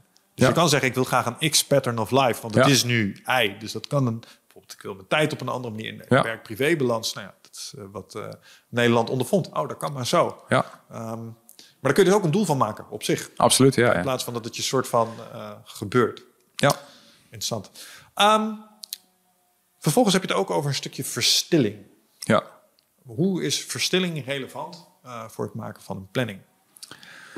Ehm, nou, bijvoorbeeld een van de dingen die wij doen als wij, als wij een planningsfase ingaan. eh, wij, wij noemen dat eh, de, de isolatiefase. Dus wat je dan eigenlijk doet, nou, je legt sowieso je telefoons leg je buiten in de ruimte. Dus je sluit je echt helemaal af van de buitenwereld. En helemaal als je echt afgeschermde operatie ingaat, ja, dan, mag je ook geen communicatie met de, met de buitenwereld hebben. Of, of heel minimaal of heel beperkt. Zit er ook een, een component van spionage aan vast? Dat die toestellen misschien niet veilig zijn? Ja, Ja? Ja, Oké, ja, ja. ja. en ook gewoon ja, eigenlijk alles wat je dan deelt zeg maar, met de buitenwereld, dat kan. Ja, dat, ja, secret shared is secret lost. Ja. Dus dat kan, eh, ja, dat, kan zeg maar, ge- gevolgen hebben. Dus die telefoons leggen sowieso in, eh, in, eh, buiten de ruimte of in, in een kluis of iets dergelijks. En dan die hele ruimte eigenlijk ga je inrichten. Ja, je gaat echt gewoon in isolatie. Eigenlijk de enige focus die je nog hebt is de missie. Dus je moet eh, van, van frequenties uit je hoofd leren tot en met eh, coördinaten, tot met alle routes, tot en met alle procedures en, en, dat- soort dingen. Al het materiaal ga je, ga je voorbereiden. En eigenlijk puur dat stukje isolatie, dat, eh, dat helpt je zeg maar om die missie uit te voeren, om, de meest complexe missies uit te voeren. En eigenlijk nu helemaal nu ik weg ben bij Defensie, ook het element en de metafoor van, van isolatie, dan, en dan, dan met name voor mij persoonlijk, was er ook nog iets wat ik regelmatig gebruik, dat ja, ondanks de hectiek van mijn onderneming, gezin en mijn eigen ontwikkeling en mijn eigen transitie, helpt mij gewoon heel vaak om gewoon ja, even die isolatie voor mezelf eh, op te zoeken. Door die, hè, door die verstilling eh, te zoeken. Door te gaan wandelen, door te gaan mediteren of gewoon eh, door wat, wat langer te gaan sporten, zeg maar. Ja. En met, met name die, die, die verstilling, dat, ja, die brengt me altijd weer nieuwe inzichten. Ja, sowieso jezelf even uit de context van het probleem trekken is denk Ja. ik eh, heel goed. Ja, Die isolatie dan wel intact latend. Want als je dan ineens wel weer je telefoon erbij pakt, word je weggesleurd Absoluut. door alle Ja. perikelen van de buitenwereld. ja, Maar dat stukje eh, opsluiten om je helemaal te eh, immersion, moet ik aan denken, onderdompelen in het probleem. In, in de tijd dat ik nog in de IT werkte, deden we dat vooral als we bijvoorbeeld een aanbesteding te doen hadden. Nou ja. Eh, hele complexe zaken, veel documenten. En dan werd er een soort war room ingericht. Dat was de boardroom. En daar zaten dan vier man en die waren alleen maar bezig met die aanbesteding, zeg Ja. maar. Eh, De agenda's werden gekleerd door, want die dingen die waren altijd last minute werk. ja, ja, ja. Ehm, maar de- inderdaad, en, en dan merk je, eh, elke keer liep ik daar weg en dacht ik, weet je wat, ik zou dit vaker moeten doen voor mijn andere projecten. Ja. Want ik heb nu in vier dagen het werk verzet voor iets waar we normaal gesproken vier weken over zouden doen. Maar als je maar wil en je creëert de set en settingen voor, Ja. dan kan het. Alleen heel veel mensen doen shit in een suboptimale set en setting. Ja. Maar wat ik hieruit overhoud is, die kun je gewoon voor jezelf. eh, Absoluut, ja. Vol- Creëren. vol- vol- volgens mij doen jullie toch ook wel eens van die vision quests of niet? Ja. ja precies. Eigenlijk een beetje dat, dat principe. Ja. Ja, ja Vision, Vision Quest is vooral ehm, ehm, de conversatie met jezelf aangaan zonder afleiding. Dus het is ja. niet zozeer een probleem oplossen. Ja. Dus je kan er wel met een intentie in. Maar Ja. wat, wat de meeste held daar al heeft, is... ga maar eens een keer met je eigen gedachten ergens zitten... zonder dat je eh, wordt afgeleid of een, een, een out hebt. Ja, ja, Een boek om te lezen, je telefoon ermee te pielen. Ja, ja. Eh, nee, nee, ga maar gewoon lekker zitten. Dan ga je een bepaald proces door. Eh, en daar zit weer een bepaalde lering in. Maar daar krijgen mensen vaak ook hun inzichten. ja, ja. Juist omdat de hersenen even alle kanten op kunnen. En Ja. niet, eh, heel gericht zijn. ja fascinerend hoor. Ja. Ehm, als het gaat om planning, heb je het ook over ownership. Eh, een stukje eigenaarschap. Eh, en ik denk persoonlijk dat dat vaak een, een gemiste kans is in een boel planningen. Maar ik ben vooral even benieuwd hoe jij tegen een stukje ownership in deze context aankijkt. Ehm, nou, voor, voor, voor, voor mij is ownership of ja, dat is eigenlijk een soort van, van, van kern van waar het eigenlijk allemaal om draait. Zeg dat, ik doe- voor, voor mezelf wel eens een soort van denkoefening dat er eigenlijk eh, ge- geen andere mensen bestaan. Dus eigenlijk alles wat er gebeurt, dat, dat, is gewoon dat is mijn eigen verantwoordelijk. En daar heb ik zelf mee, mee te dealen. Dus, dus ook al ja, probeert iemand mij te raken of, of, of kritiek of uh, gebeuren dingen die ik uh, als, als onrecht beschouw. Ja, dan nog steeds heb ik er zelf mee, mee, te dealen eigenlijk. En, ja, de, en dat zie je helemaal binnen. Volgens mij is dat vaak ook wel het, het grote onderscheid tussen SF-eenheden en, en reguliere eenheden. Ja, dat die gasten over het algemeen gewoon echt veel meer ownership pakken over eigenlijk alles wat er gebeurt. Dat, dat zie je vaak ook met bijvoorbeeld debriefs. Als wij een, bijvoorbeeld een, een tactische run draaien of zo ja, dan, dan is bijna gewoon een soort, een soort van wedstrijd voor die gasten om, uh, om zoveel mogelijk ownership te overnemen over hun eigen fouten. Weet je, hoe je het eerst gewoon dat eigen stukje eigenaarschap pakt over, uh, ja, over hun fouten. En ondanks dat het echt een, een hele competitieve omgeving is, waarbij gasten ook echt wel uh, naar elkaar kijken en dat soort dingen. En dat ze zichzelf proberen te profileren boven, boven de ander. Zie je daar ook wel, met name ook door de kwaliteit van de, van de teamleden daar, dat, dat het stukje eigenaarschap wordt, wordt gestimuleerd. Alright, check. Ja, sowieso. Goed om hand in eigen boezem te steken en proberen om de dingen naar je toe te trekken. Er zit ook een risico aan vast, namelijk dat je te veel met alles ja. uh, bezig bent. Vooral vanuit een stukje overenthousiasme. Laten we maar even zo kwalificeren dan. Um, hoeveel onderdeel of hoeveel, hoeveel ruimte maak je voor daadwerkelijk vastleggen van specifieke onderdelen in je planning?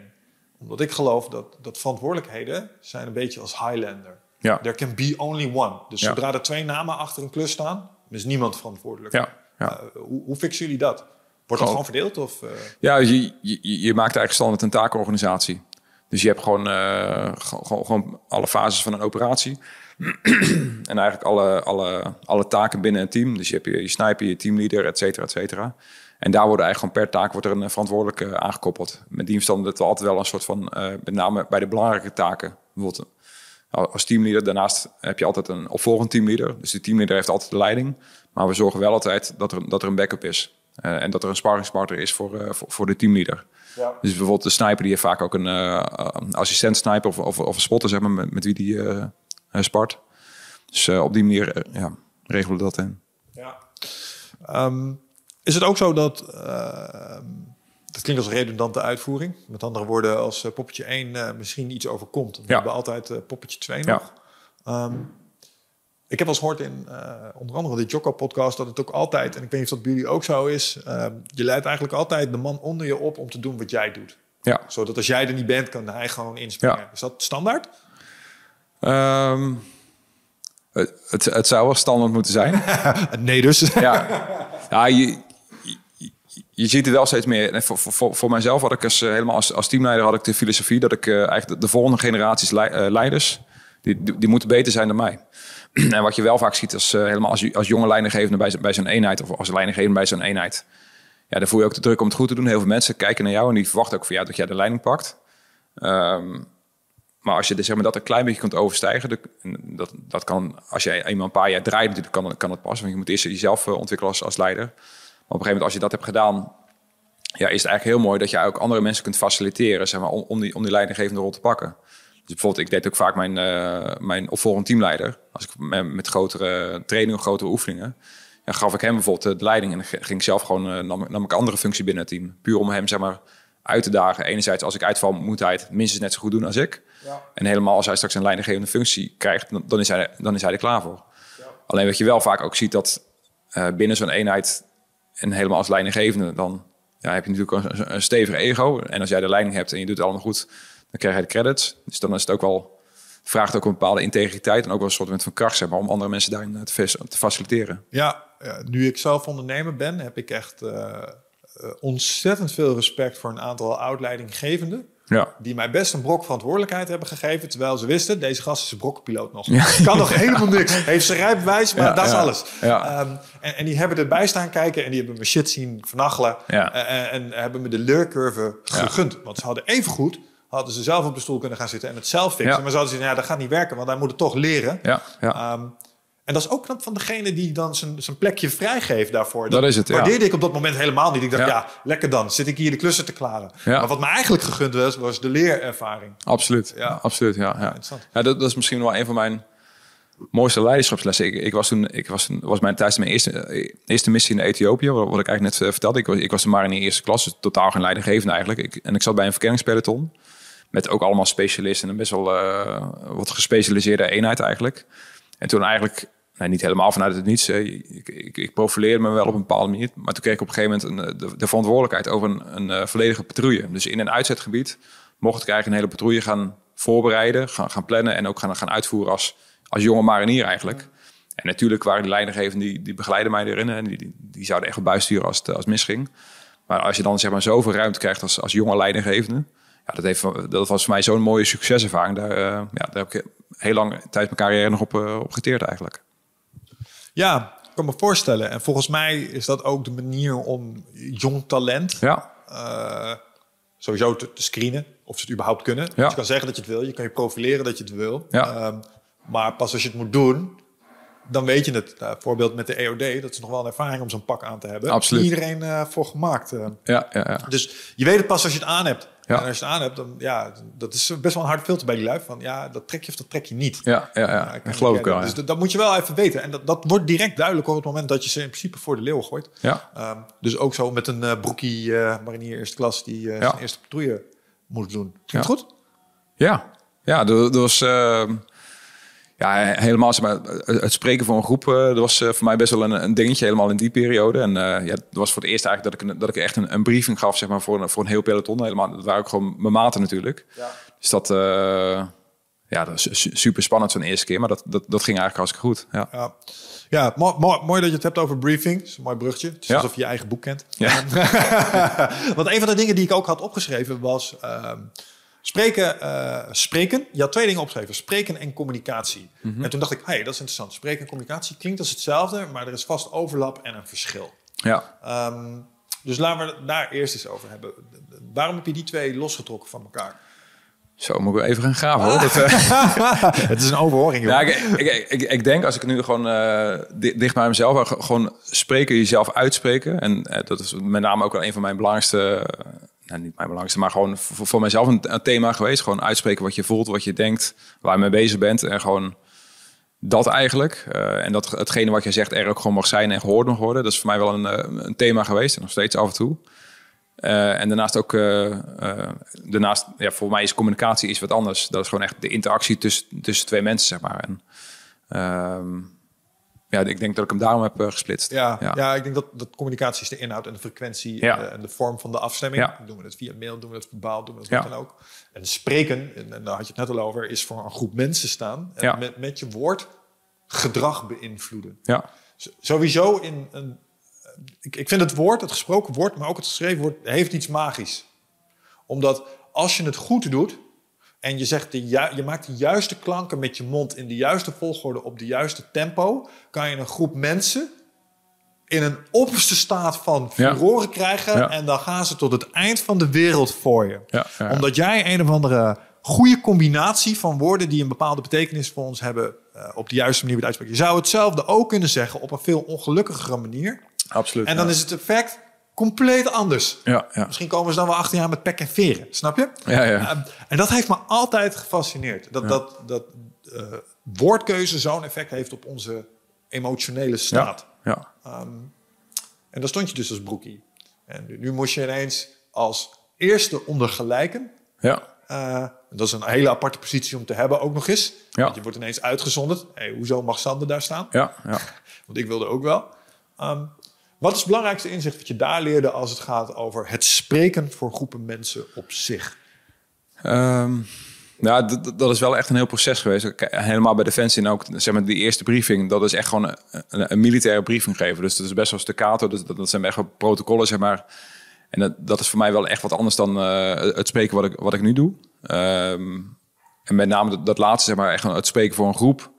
En gewoon eh, niet zozeer echt een, een protocol, zeg maar, eh uitdragen voor een militaire briefing geven. Maar bijvoorbeeld een presentatie geven of gewoon een verhaal houden. Ja, sure. Ik had niet de illusie dat je daar op de muren stond. Nee, maar, nee, nee, "I will nee. never take our freedom." Nee, En dan- nee. nee, sure. nou, ik, ik moet zeggen, zo gaat het 9 van de 10 keer ook niet bij- bij Defensie. Dat, dat zie je natuurlijk vaak in, in, in films, dat een, een charismatische generaal eh, een mooie preek houdt. Dat, dat zal ongetwijfeld gebeuren, maar en dat, dat is ook, ook wel gebeurd. Maar jij hebt het nog nooit gezien. Eh, Nou, we, we, we hebben één keer wel een eh, operatie in eh, Afghanistan gedraaid. Eh, toen wisten we eigenlijk zeker van tevoren al dat, dat het een harige operatie werd. En dat we zeer waarschijnlijk in Hinlaag zouden, zouden rijden. Dat was een soort met van, nou, ik zal niet zeggen dat het een zelfmoordmissie was, maar het was een hoog risico. Dus toen heeft die, die onsing commander heeft van tevoren al een, een, een, praatje gehouden. Ja, of dat, of dat echt een inspirerende, charismatische speech is, zoals je dat op tv ziet, dat, dat, is een, dat is een ander verhaal, maar... Het, het, het gebeurt wel, ja. ja. Nederland is misschien net iets te nuchter voor ook. Ik, ik denk het wel, ja. Ik, ik, denk het wel. En uh, er zijn echt wel inspirerende mensen hoor, met wie, met wie ik heb gewerkt die, die dit echt heel goed, uh, goed konden. En dat, maar over het algemeen, gasten waarmee ik heb gewerkt, zeg maar, die hadden dat niet echt nodig. Dus die waren voldoende gemotiveerd en geïnspireerd om zelf gewoon uh, de klus te klaren, zeg maar.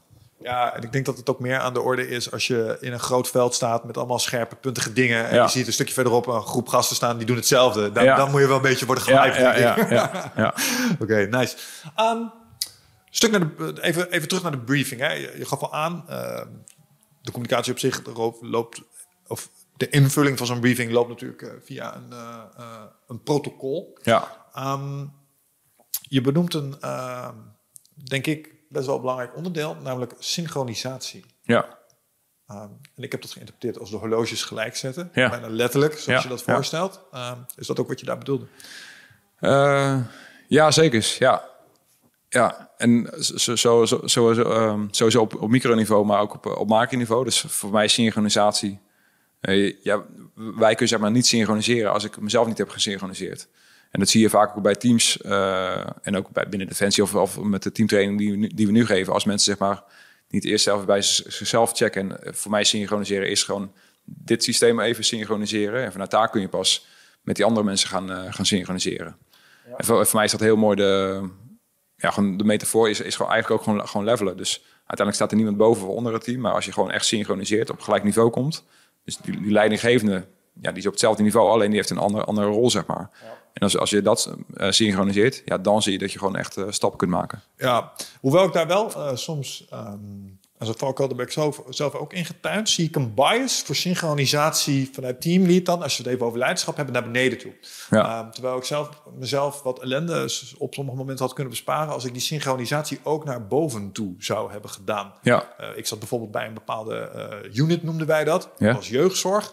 Uh, maar jeugdzorg diende onder zorg en zorg diende naast uh, diende.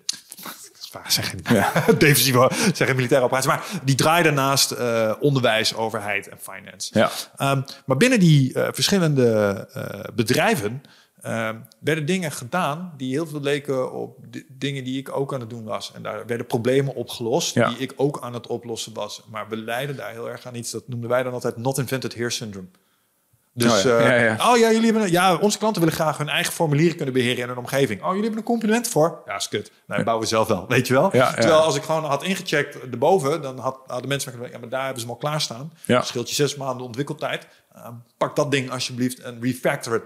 Um, en als ik dat vaker had gedaan, of de moeite ervoor had genomen, hadden we sommige doelen aanzienlijk voortvarende kunnen bereiken. Ja, ja, ja. Dus dat is een valkuil waar ik zelfs in, in dat kader nog wel eens ben ingelopen. Ja, ja. Hoe, hoe borgen jullie dat?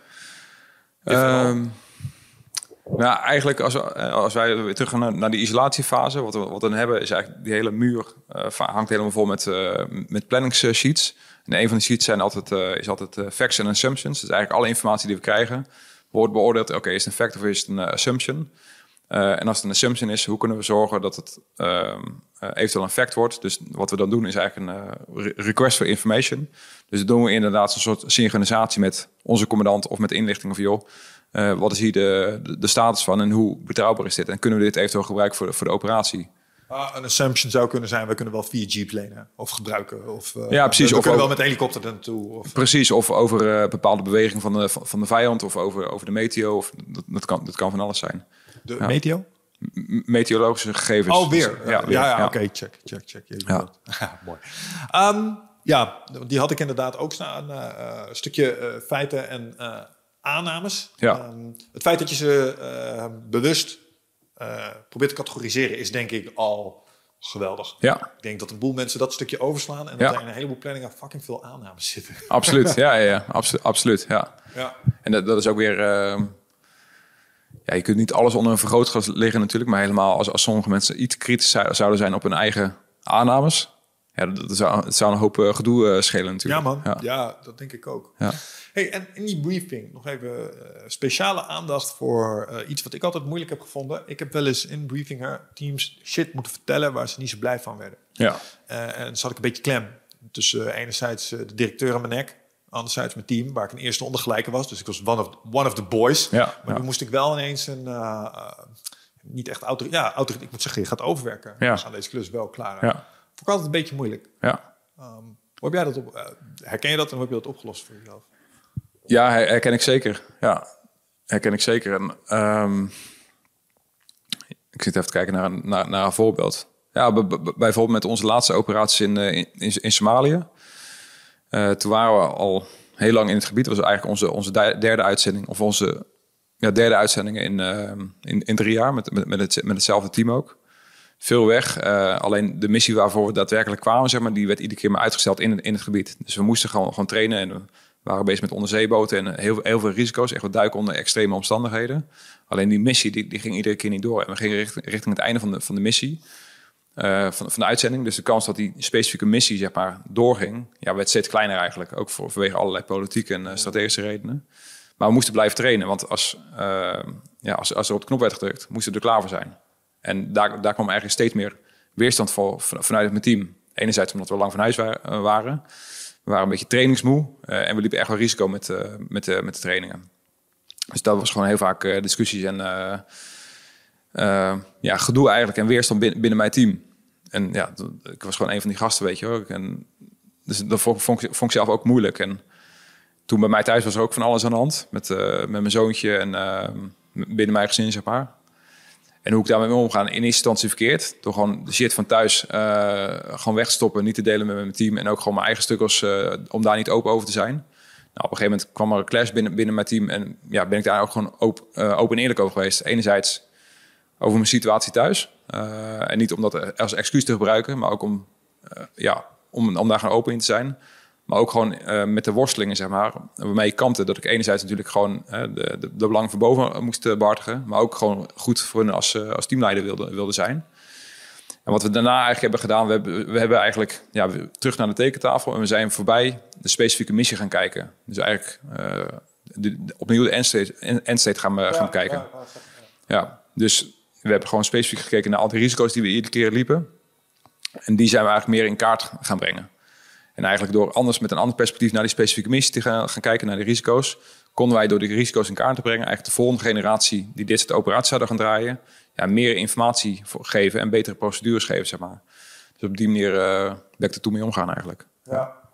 Ik denk dat eh, het delen van de spagaat daarin cruciaal was. Ja, Gewoon vertellen, boys, dit is, Ja. dit is het probleem wat we Ja, hebben. En ja. ja. ja, ik vind het ook niet relaxed, maar eh, ja, we moeten er wel wat mee. Dit zijn de feiten inderdaad. Ja. En, eh, nou ja, ehm, ja, duidelijk. Maar het vergt wederom... Ja. ehm, ik heb dat altijd een beetje ervaren als... eh, eh, zo voelde dat toen. Ik snap nu achteraf dat het niet zo is. Als een knieval moeten maken. Want ik krijg het blijkbaar niet gecheft of zo. Dus nu, oké, masker dan maar even af. Eh, dit is hoe Ja, het echt zit. ja. En al die tijd was ik een soort van baasje aan het spelen Ja. of zo. En wat ik bijvoorbeeld ook wel eens heb gedaan, dat eh, het, helpt heel- altijd heel erg zeg maar, om, om, om, om die mensen ook zeg maar, een ander perspectief eh, te bieden. Dus heel vaak, als er weer kwam, weerstand kwam vanuit mijn team of vanuit andere mensen, was dat ja, over de mensen van bovenaf en de politiek en dit en dat, weet je wel. Maar dat zei ik ook tegen die gasten. En, van, ja, we weten niet allemaal wat voor krachten daar spelen. Dus we kunnen er wel iets van vinden, eh, maar, maar dat weten we niet. En het feit is wel, als je het hebt over eigenschap, wij hebben voor deze functie gekozen. Wij zitten nu, we hebben hier zelf voor gekozen. We gaan hier eigenaarschap overnemen. We, gaan gewoon door. Wij zijn nu verantwoordelijk voor deze taak. En daarnaast ook, eh, er was ook best wel wat kritiek op, eh, op mij natuurlijk, als teamleider. Want, eh, nou, helemaal prima. Dus wat ik toen ook heb gedaan, is een van die gasten een keertje in mijn schoenen gezet. Oké, vandaag met deze training heb jij de lead. Pak hem maar op. Laat me zien hoe goed jij het kunt als, als teamleider. En dat zou je perspectief een klein beetje veranderen. Nou, die gast kreeg ook een mooie lesje nederigheid. Zeker. Maar in één keer ook wel gewoon zijn perspectief eh, veranderd. Ja, nou, dat is denk ik het allerbeste wat je kan doen. Ehm, oké, nou, en, en misschien nog niet eens vanuit... Want ik kan me voorstellen dat er ook iets is van... Oké, nou laat me zien, dan gek, weet je wel. Kom jij hier maar even zitten. Ja, Ehm, ja. Maar als je dat doet vanuit de juiste intentie van... Oké, ik heb blijkbaar onvoldoende overgebracht... welke uitdagingen ik Ja, sta, welke spanningsvelden ik voel. Ik krijg het niet in woorden uitgedrukt, Ja, blijkbaar. Dus dan is de beste optie... eh, eh, misschien eh, ja, een ervaring geven. Ja, die absoluut. dat inzicht Ja. geeft. Ja. En, en, en dit was ook, dit, dit was het mooie. Die, die gast was altijd super kritisch. Maar het was ook iemand met echt potentieel om de volgende leidinggevend te worden. dus eigenlijk het- mes sneed aan twee kanten. Enerzijds kon hij zeg maar gewoon ja, zijn eigen scherpe kritiek een klein beetje gaan leren nu- nuanceren. Maar het gaf hem ook zeg maar voldoende perspectief en de volgende stap om, eh, om straks teamleider te worden. Ja, en, en hier zit een dynamiek die ook werkt. Hij is mild Machiavelliaans, maar ik ben gek op dat soort dingen. Ja. Ehm, vaak zijn de gasten die het hardst drukken, als je ze medeplichtig maakt, je grootste voorvechters. Absoluut, ja. Dus ineens wordt het een, een, een zealot en is Ja. die, is die aan boord. Ja. Maar het maakt niet uit aan, zulke ga- gasten maakt niet uit aan welk team ze zitten. Ze zijn voor dat team. En ze zullen ook altijd zeg maar, daar heel mondig en Ja. heel erg op drukken. Dus als je die, zeg maar, in plaats van dat die tegenwerkt, laat meetrekken aan je kar. Absoluut. Dan ga je ineens een versnellingje hoger vaak Ja, ook. ja. Mooi. En als je doel is de klus klaren, dan... eh, Precies, ja. Nee, perfect. Gaaf. Ehm, even door naar het stukje ehm, rehearsal. Is denk ik een van de meest overgeslagen stukjes in het bedrijfsleven. Ja, ja, Ehm, het oefenen van dingen. ja. Want eh, we bedenken hoe het moet. Eh, dan hebben we het erover met elkaar. En dan eh, gaan we eigenlijk gewoon direct doen. ja. enige waar ik dat in het bedrijfsleven soms goed zie gaan, is bij sommige softwarehuizen. Nou ja. En die hebben iets dat heet een OOTAP. Mensen, ik weet niet of je dat kent. Nee. Dat is een ontwikkeltest, acceptatie en productieomgeving. Dus die snappen dat het een slecht idee is om nieuwe shit in één keer op de omgeving te zetten waar het wordt gebruikt door je uitgebruiker. Nee, nee, dat moet je even testen en oefenen op Ja. een andere omgeving, want dat voorkomt problemen. Los Ja. nog steeds niet alles op. Maar dat is een van de weinige voorbeelden die ik kan verzinnen, waarbij in het normale informatiewerk wat ik tegenkom, zeg maar in mijn trainingen ook, eh, iets is wat lijkt op oefenen. ja. Ehm, maar er zijn vast hele goede redenen en andere contexten waarin je dat ook gewoon kunt doen. Dus laten we eens even beginnen bij het begin. Uh, waarom rehearsal? Ehm, nou, helemaal tijdens een militaire operatie. vaak gaat het om, om, om, om zulke details. Zeg maar, en zulke, bepaalde details kunnen zulke grote gevolgen hebben. En dat, dat, dat kan van een springlanding zijn tot met hoe een deur open gaat. Tot met hoeveel man je in een helikopter past met de uitrusting en, dat soort dingen. Dus als je dat zeg maar niet vooroefent voordat je daadwerkelijk op, missie gaat. Ja, dan is die missie bijna eigenlijk eh, gedoemd te, te, te, mislukken eigenlijk. Dus vandaar dat we... eh, ja, je kunt nooit, nooit ieder specifiek dingetje natuurlijk helemaal eh, voorbereiden en, eh, en oefenen eigenlijk. Maar echt de, de choke, choke points binnen een operatie... die worden echt altijd wel voorgeoefend. Ja, eh, en met choke points bedoel je daar waar het moeilijk gaat worden. precies. Dus bijvoorbeeld als jij met een... ja, bijvoorbeeld als je, als je een, een gebouw moet forceren... of het, het uitstijgen als je uit een helikopter komt in een... in een hoe zeg dat? In een gebied waar de vijand mogelijk zit. Dan moet zo, zo snel mogelijk en zo veilig mogelijk gaan. Bepaalde procedures, net zoals met, eh met vastropen, dat je aan een, helikopter eh, aan een touw naar beneden glijdt. Ja, echt gewoon echt de kritieke punten zeg maar, van een operatie, die worden altijd eh voorgeoefend. Ja, ja. snap ik. Ehm, niet in de laatste plaats, denk ik. Oh, sowieso, je wilt dat het goed gaat. Je wil dat het soepel loopt. Dus je wil een routine hebben. Ja. Eh, dat is één. Ehm, maar ik, ik heb altijd gemerkt dat als ik... eh, soms oefen ik podcasts in mijn hoofd. Nou ja, en als ik... Want soms vind ik het spannend. ja, Ehm, en dan merk ik altijd dat mijn gevoel over dat wat ik moet gaan doen, wat ik spannend vind, eh, verandert. Omdat ik heb geoefend. ja, ja. Dus ik, ik kom wel eens eh, voor mijn gevoel te onvoorbereid. Ik ben altijd voorbereid, ik heb altijd mijn ding. Maar dan Ja. heb ik hem niet een paar keer door mijn hoofd heen gelopen. En denk ik, oh, ik zit niet helemaal ja. alle kanten op deze. Dus Ja. dan heb ik niet alvast een soort lijn in zitten. En dan merk ik dat ik anders word in mijn reacties. Ik een beetje onzekerder. Krijg ik ineens klotsende oksels en zo. ja, ja, ja. Heel grappig om te merken. Ehm, en ik kan me voorstellen dat bij jullie werk dat ook echt ontzettend belangrijk is. Dat je ook lekker erin zit. En niet eh hyper gespannen ergens in zit. Ehm, dat brengt me eigenlijk bij het stukje gedachtecontrole. Ja, ja ei- ei- eigenlijk die hele rehearsal is ook gewoon met, met name het mentale proces, maar dat is ook gewoon essentieel daarin.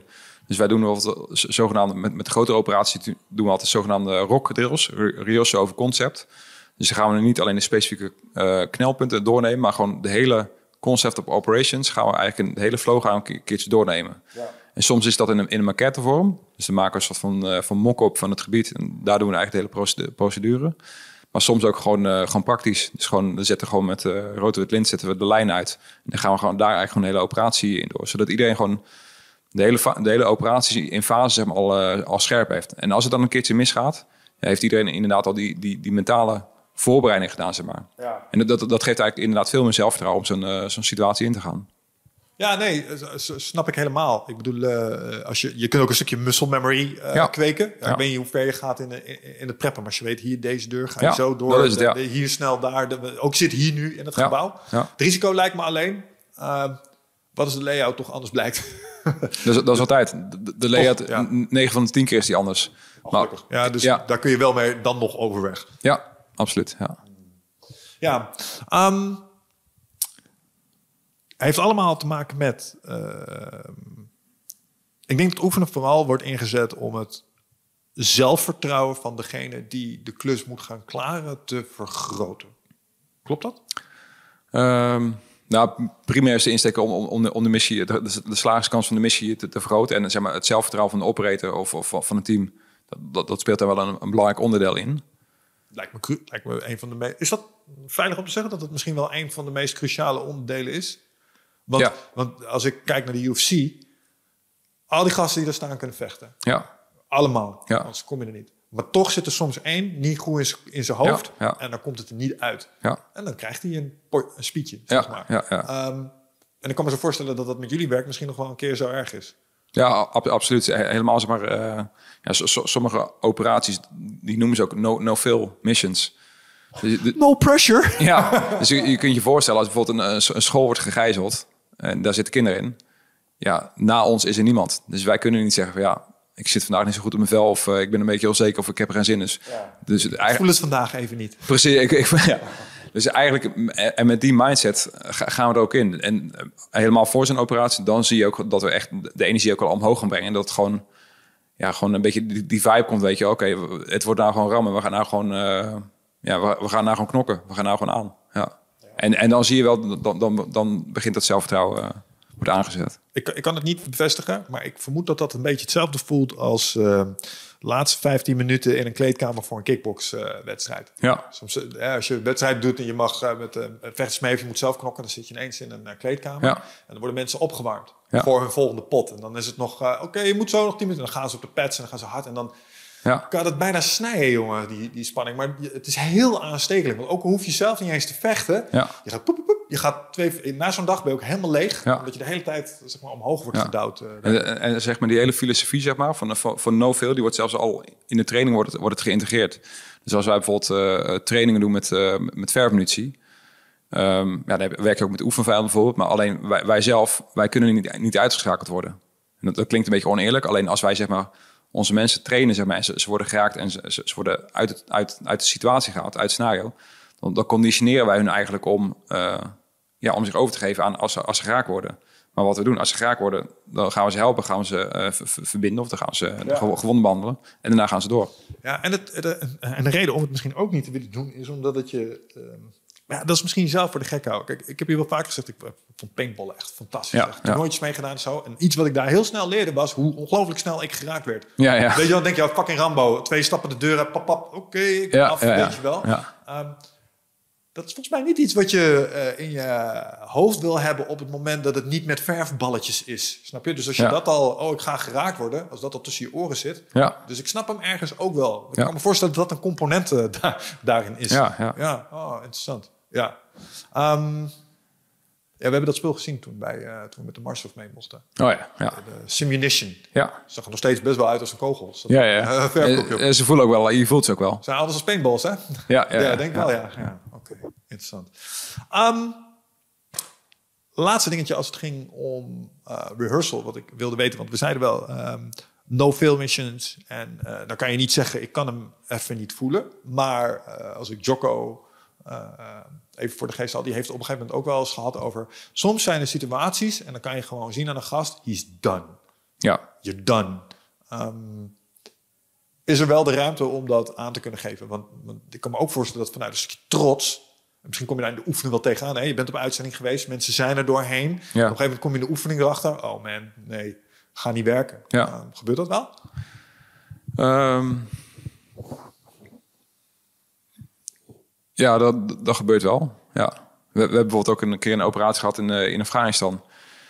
We hadden een infiltratie, was eh hemelsbreed 7 kilometer. Alleen dat was s- s'nachts door, door de bergen met de rugzakken van, eh, weet ik veel, 55 kilo ongeveer. Dat was echt een, re- redelijke uh, had er 20 kilo in mijn Ja. zitten. Jij draagt gewoon een mini-mens op je rug. Ja, ja, ja, dat was een redelijke monstertocht.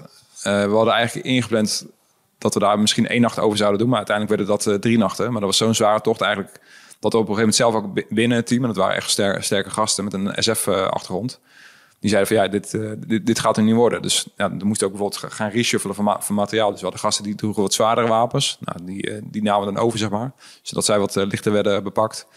Dus daar, puur vanuit de operatie, eh, is er, zullen we wel moeten, zeg maar. Ja, Als commando zal beginnen van, nou, ik weet niet of ik dit ga redden, dan weet je dat het echt uitdagend is. ja, ja. oh, wauw, Ja. heftig. Uiteindelijk goed gekomen met die missie? Ehm, ja, zeker. Ja, er was een, eh, we werden zeg maar, de bergen ingestuurd om observatieposten in te richten. Want er, was een grote operatie in de, in de Bloedsievallei. Dus eh gereguleerde eenheden gingen die, gingen die kleren zeg maar, van Taliban. Wij zaten dan in de bergen om eh, ja, die Taliban alvast te observeren. Om eventueel eh, eh, ja, bommen te werpen op de, op de posities van de Taliban. En tijdens die operatie kwam ook eh, die groep Taliban-strijders omhoog. Toen wij ze in een, eh, in een hinderlaag lieten lopen. Ja. Oh, dat, dat was dat, eh, Ja. dat was die missie. Oké, Ja. ja. duidelijk verhaal. Voor de mensen die zich afvragen wat daar gaande was en eh, hoe dat is afgelopen, zou ik zeker de eerste aflevering die Sander bij ons was nog een keer luisteren. Alright, nou dat brengt me dan bij het stukje ehm, execution. Het daadwerkelijk uitvoeren van dat wat je hebt voorgenomen. Dus je hebt gepland, je hebt gebriefd, je hebt geoefend. En nu is het tijd om in actie te komen. Ja. Ehm, het in actie komen zelf. Ik heb wel eens, ehm, ben even benieuwd hoe iemand vanuit SF daar tegenaan kijkt. Soms hoor je mensen dingen zeggen als: ehm, ja, ik, kan het nog niet in, ik kan nog niet beginnen, want het voelt nog niet goed. ja. Volgens mij voelt het nooit goed. Nee, nee. Nou, als het goed doet, voelt het niet goed. Nee, nee. Hoe gewoon doen is natuurlijk het antwoord. Ehm, maar zijn er dingen die jullie geleerd krijgen om daar beter mee om te gaan? Want je ziet een boel mensen in het echte leven Ja. eh, stagneren daarop. Ja, hè? Het lampje ja. staat met groen, dus ik ga nog niet. Ja. Ik moet eerst goed voelen. Ja. Ja, die, die luxe hebben jullie niet. Nee. Maar wel te maken met mensen. Dus daar zul je iets mee moeten. Ja, Hoe ja. werkt dat? Eh, nou, het, het is niet zozeer dat wij dat echt aangeleerd krijgen. Alleen dat, dat zit gewoon eigenlijk in het proces. Dus als jij bijvoorbeeld... eh, eh, en ook in, de- in, in de planning en de voorbereiding. Dus jij weet van tevoren, oké, dit is eh, onze eetjouw bijvoorbeeld. En een eetjouw is het, de start van de operatie of de start van, van, de, van de aanval. Dan weet je, oké, dat is gewoon een harde deadline.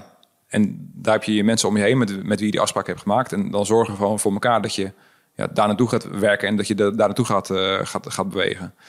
Dus en daarnaast hebben we in iedere militaire operatie in, het- in het verlengde van die deadline hebben we een- point of no, no, no, eh, point of no return. Dus als je weet binnen een operatie, oké, als we voorbij, voorbij deze fase zijn, dan kunnen we niet meer terug. Dan moeten we door omwille van onze eigen veiligheid, de veiligheid van de mensen en omwille van de, de operatie. En daarvoor heb je soms nog wat slek. Bijvoorbeeld als jij in een, in een helikopter zit richting, hè, dan is de operatie al begonnen, maar je bent nog niet helemaal in het missiegebied, dan zou je eventueel nog terugkomen kunnen. Alleen op het moment dat jij bijvoorbeeld die helikopter is geland en de vijand weet je dat je komt, dat is het point of no return. Dus dan moet je wel door. Dus voor, voor, voor, voor mijzelf, eh, toen ik wegging bij Defensie, had ik ook voor mezelf, eh, nou ik wist, eh, mei is mijn, mei 2017 ga ik weg. En mijn eerste event vanuit mijn bedrijf had ik net gepland buiten, buiten mij, zeg maar. Dus dat was mijn eerste pakket paaltje buiten Defensie. En dit- mijn point, point van no return was de eerste inschrijving voor het event. Dus toen wist ik, oké, let's go, dit gaan we doen. Klant dreigt met opdracht. Nu moeten we. Ja, Ja. ja. En Duidelijk. dan, ja, door, door voor jezelf gewoon echt een, een harde, harde deadline te stellen. Mensen om je heen te verzamelen eigenlijk die, die, die je daarvoor accountable houden. Het klinkt alsof je jezelf in een soort eh, menselijke achtbaan plaatst. Ja. Bij kluk, kluk, kluk, kluk, kluk, kluk. En Ja. ja, zodra dat ding dicht gaat, dan is het klaar. Kan je Ja. er niet meer uit. Ja. Eh, met alle gevolgen van dien. Ja, ja het- het- ik vind wel. Ik las ook al een keer een stukje over de, vanuit de Griekse oudheid volgens mij. Dat is een verhaal dat voor mij vanuit de uh, Spartanen tijd. Op op een gegeven moment moesten ze een. eh, ze gingen in oorlog op een of ander eiland en uiteindelijk ze gingen daar met schepen naartoe. Op het moment dat, dat ze daar waren geland, had die, die commandant van, van die eenheid heeft gewoon letterlijk alle schepen verbrand. Ja. ja, nu moeten we wel winnen. En daar komt de uitspraak: nooit je schepen achter je verbranden vandaan. Precies. Want dan, moet je, dan kan je alleen nog maar voorwaarts. Ja, ja, ja. Ja, het is wel, dat is wel een motivator, ja. Ja, absoluut. We gaan hier maar op, een- we gaan hier maar op één van twee manieren weg. Ja, ja, ja. Overwinnend of dood. ja op, het, op het schild. Ja. Wauw. Ja, stel je dat voor, jongen. Dat, eh, dat gebeurt niet heel vaak meer, volgens mij. Nee, nee, nee. nee. Gelukkig, gelukkig niet. Nee. Ehm, even terug naar het stukje uitvoer. 40% regel. Wat is dat? Ja, dat, dat, is een regel die, die komt volgens mij oorspronkelijk vanuit eh, van David Coggins, Amerikaanse Navy SEAL ultra-runner. En eh, ja, zijn filosofie en die 40% regel, dat is niet zozeer dat het volgens mij echt wetenschappelijk bewezen is. En dat, dat is niet, en dat is ook niet hard aan te wijzen, alleen het is een mooie mentale oefening eigenlijk. En hij zegt, als je echt denkt dat je het niet meer kunt, dan zie je in principe al 40% van jouw potentie, van, jou, van jouw vermogen. Ja, voor mensen die niet weten, David Goggin is een soort performance psychopaat. Ja. Een gast die loopt zichzelf beenbreuken en dat Ja, soort dingen. ja, Dus ja. die gaat wel echt to the max. Ja, Maar ik denk wel dat dat klopt. Ja, en dat is ook wel vaak, eh, ja, ook al zo vaak meegemaakt met, met alle opleidingen en selecties die ik heb gedaan en tegenwoordig ook met, met trainingen, dan, dan hoor je mensen zeggen van, ja, ik kan gewoon echt niet meer. Maar dat zeggen ze terwijl ze gewoon hier een klein beetje zweet hebben, gewoon tegenover mij staan en gewoon nog normaal kunnen praten. Zeg ik van, ja, ik, ik hoor wat je zegt, ik zie dat je het zwaar hebt, maar ik heb gasten meegemaakt, die, die lagen daar als een zielig hoopje mensen in hun eigen kots. Die kon dan niet meer. Ja. Jij kan nog prima. Ja. En dan, dan zie je, dan zie je een knopje omgaan en dan gaan ze gewoon door. Ja, ik heb dat eh, bij eh, Overload. Ken je dat instituut? Overload Instituut, een soort trainingscenter. Ja, ja. Leren ze personal trainers. En daar hadden ze de IG-training. ehm, zeg ik het goed? Nee, eh, GH-training, growth hormone. Dus Oh eh, hebben ze een bepaalde manier van trainen. Ja. Moet je gewoon basically split squats maken. Maar op een gegeven moment kom je niet meer omhoog. Ja. Dan word je door twee gasten omhoog geholpen. Mag je weer, eh, zeg maar, excentrisch, mag je naar beneden, mag je zelf doen. Dus, dus ze begeleiden je. Totdat je niet meer kan. En het idee is om een, eh een prikkelgroeihormoon te realiseren. Maar dat is ook echt tot de max. En die lui, die kunnen niet meer. Want als je die laat, loslaat, dan liggen ze daar voor 10 minuten. Ja, ja. Eh, en, en doen ze helemaal niks meer. Ja. Ehm, maar, maar dat is heel moeilijk om jezelf daar te krijgen Absoluut. alleen. Zonder iemand, Absoluut, zonder een externe motivator. ja, ja. Ja. Eh, mensen die op je schieten is er zeker één. Dat is een hele goede motivator. Ja, maar, maar mensen die respecteert eh, eh, of autoriteit helpen daar ook Ja. zeer zeker bij. Ehm, ja, iets waar ik het eh, ook nog even over wilde hebben eh, met je is, eh, omdat het mij altijd zo ontzettend veel heeft gebracht, is humor. Ja. En ehm, mijn vader is politieagent geweest, Ja. regisseur. En die heeft ook best wel veel verteld aan mij over wat hij heeft meegemaakt. Dus die heeft ook dingen gezien die de gemiddelde Nederlander niet ziet. Ja. En een van de dingen die hij altijd moeilijk vond, was zelfmoord. Ja. Maar eh, hij vertelde me wel dat eh, collega's daar ook eh, humor heel veel voor gebruikten. Ja. ehm, om daarmee te dealen. Bijvoorbeeld als iemand zichzelf heeft verhangen, dan moet iemand die persoon vasthouden en die- wordt dan losgemaakt. Ja. Ja, wat een collega dan deed van, nou, nog één rondje dansen dan. Ja, ja. Wordt het, gruwelijk als je erover Ja, nadenkt. Maar volgens mij echt de enige manier om niet knettergek te worden. Ja. De, de vraag is hoe, lang is, hoe belangrijk is humor voor jou geweest in dat proces?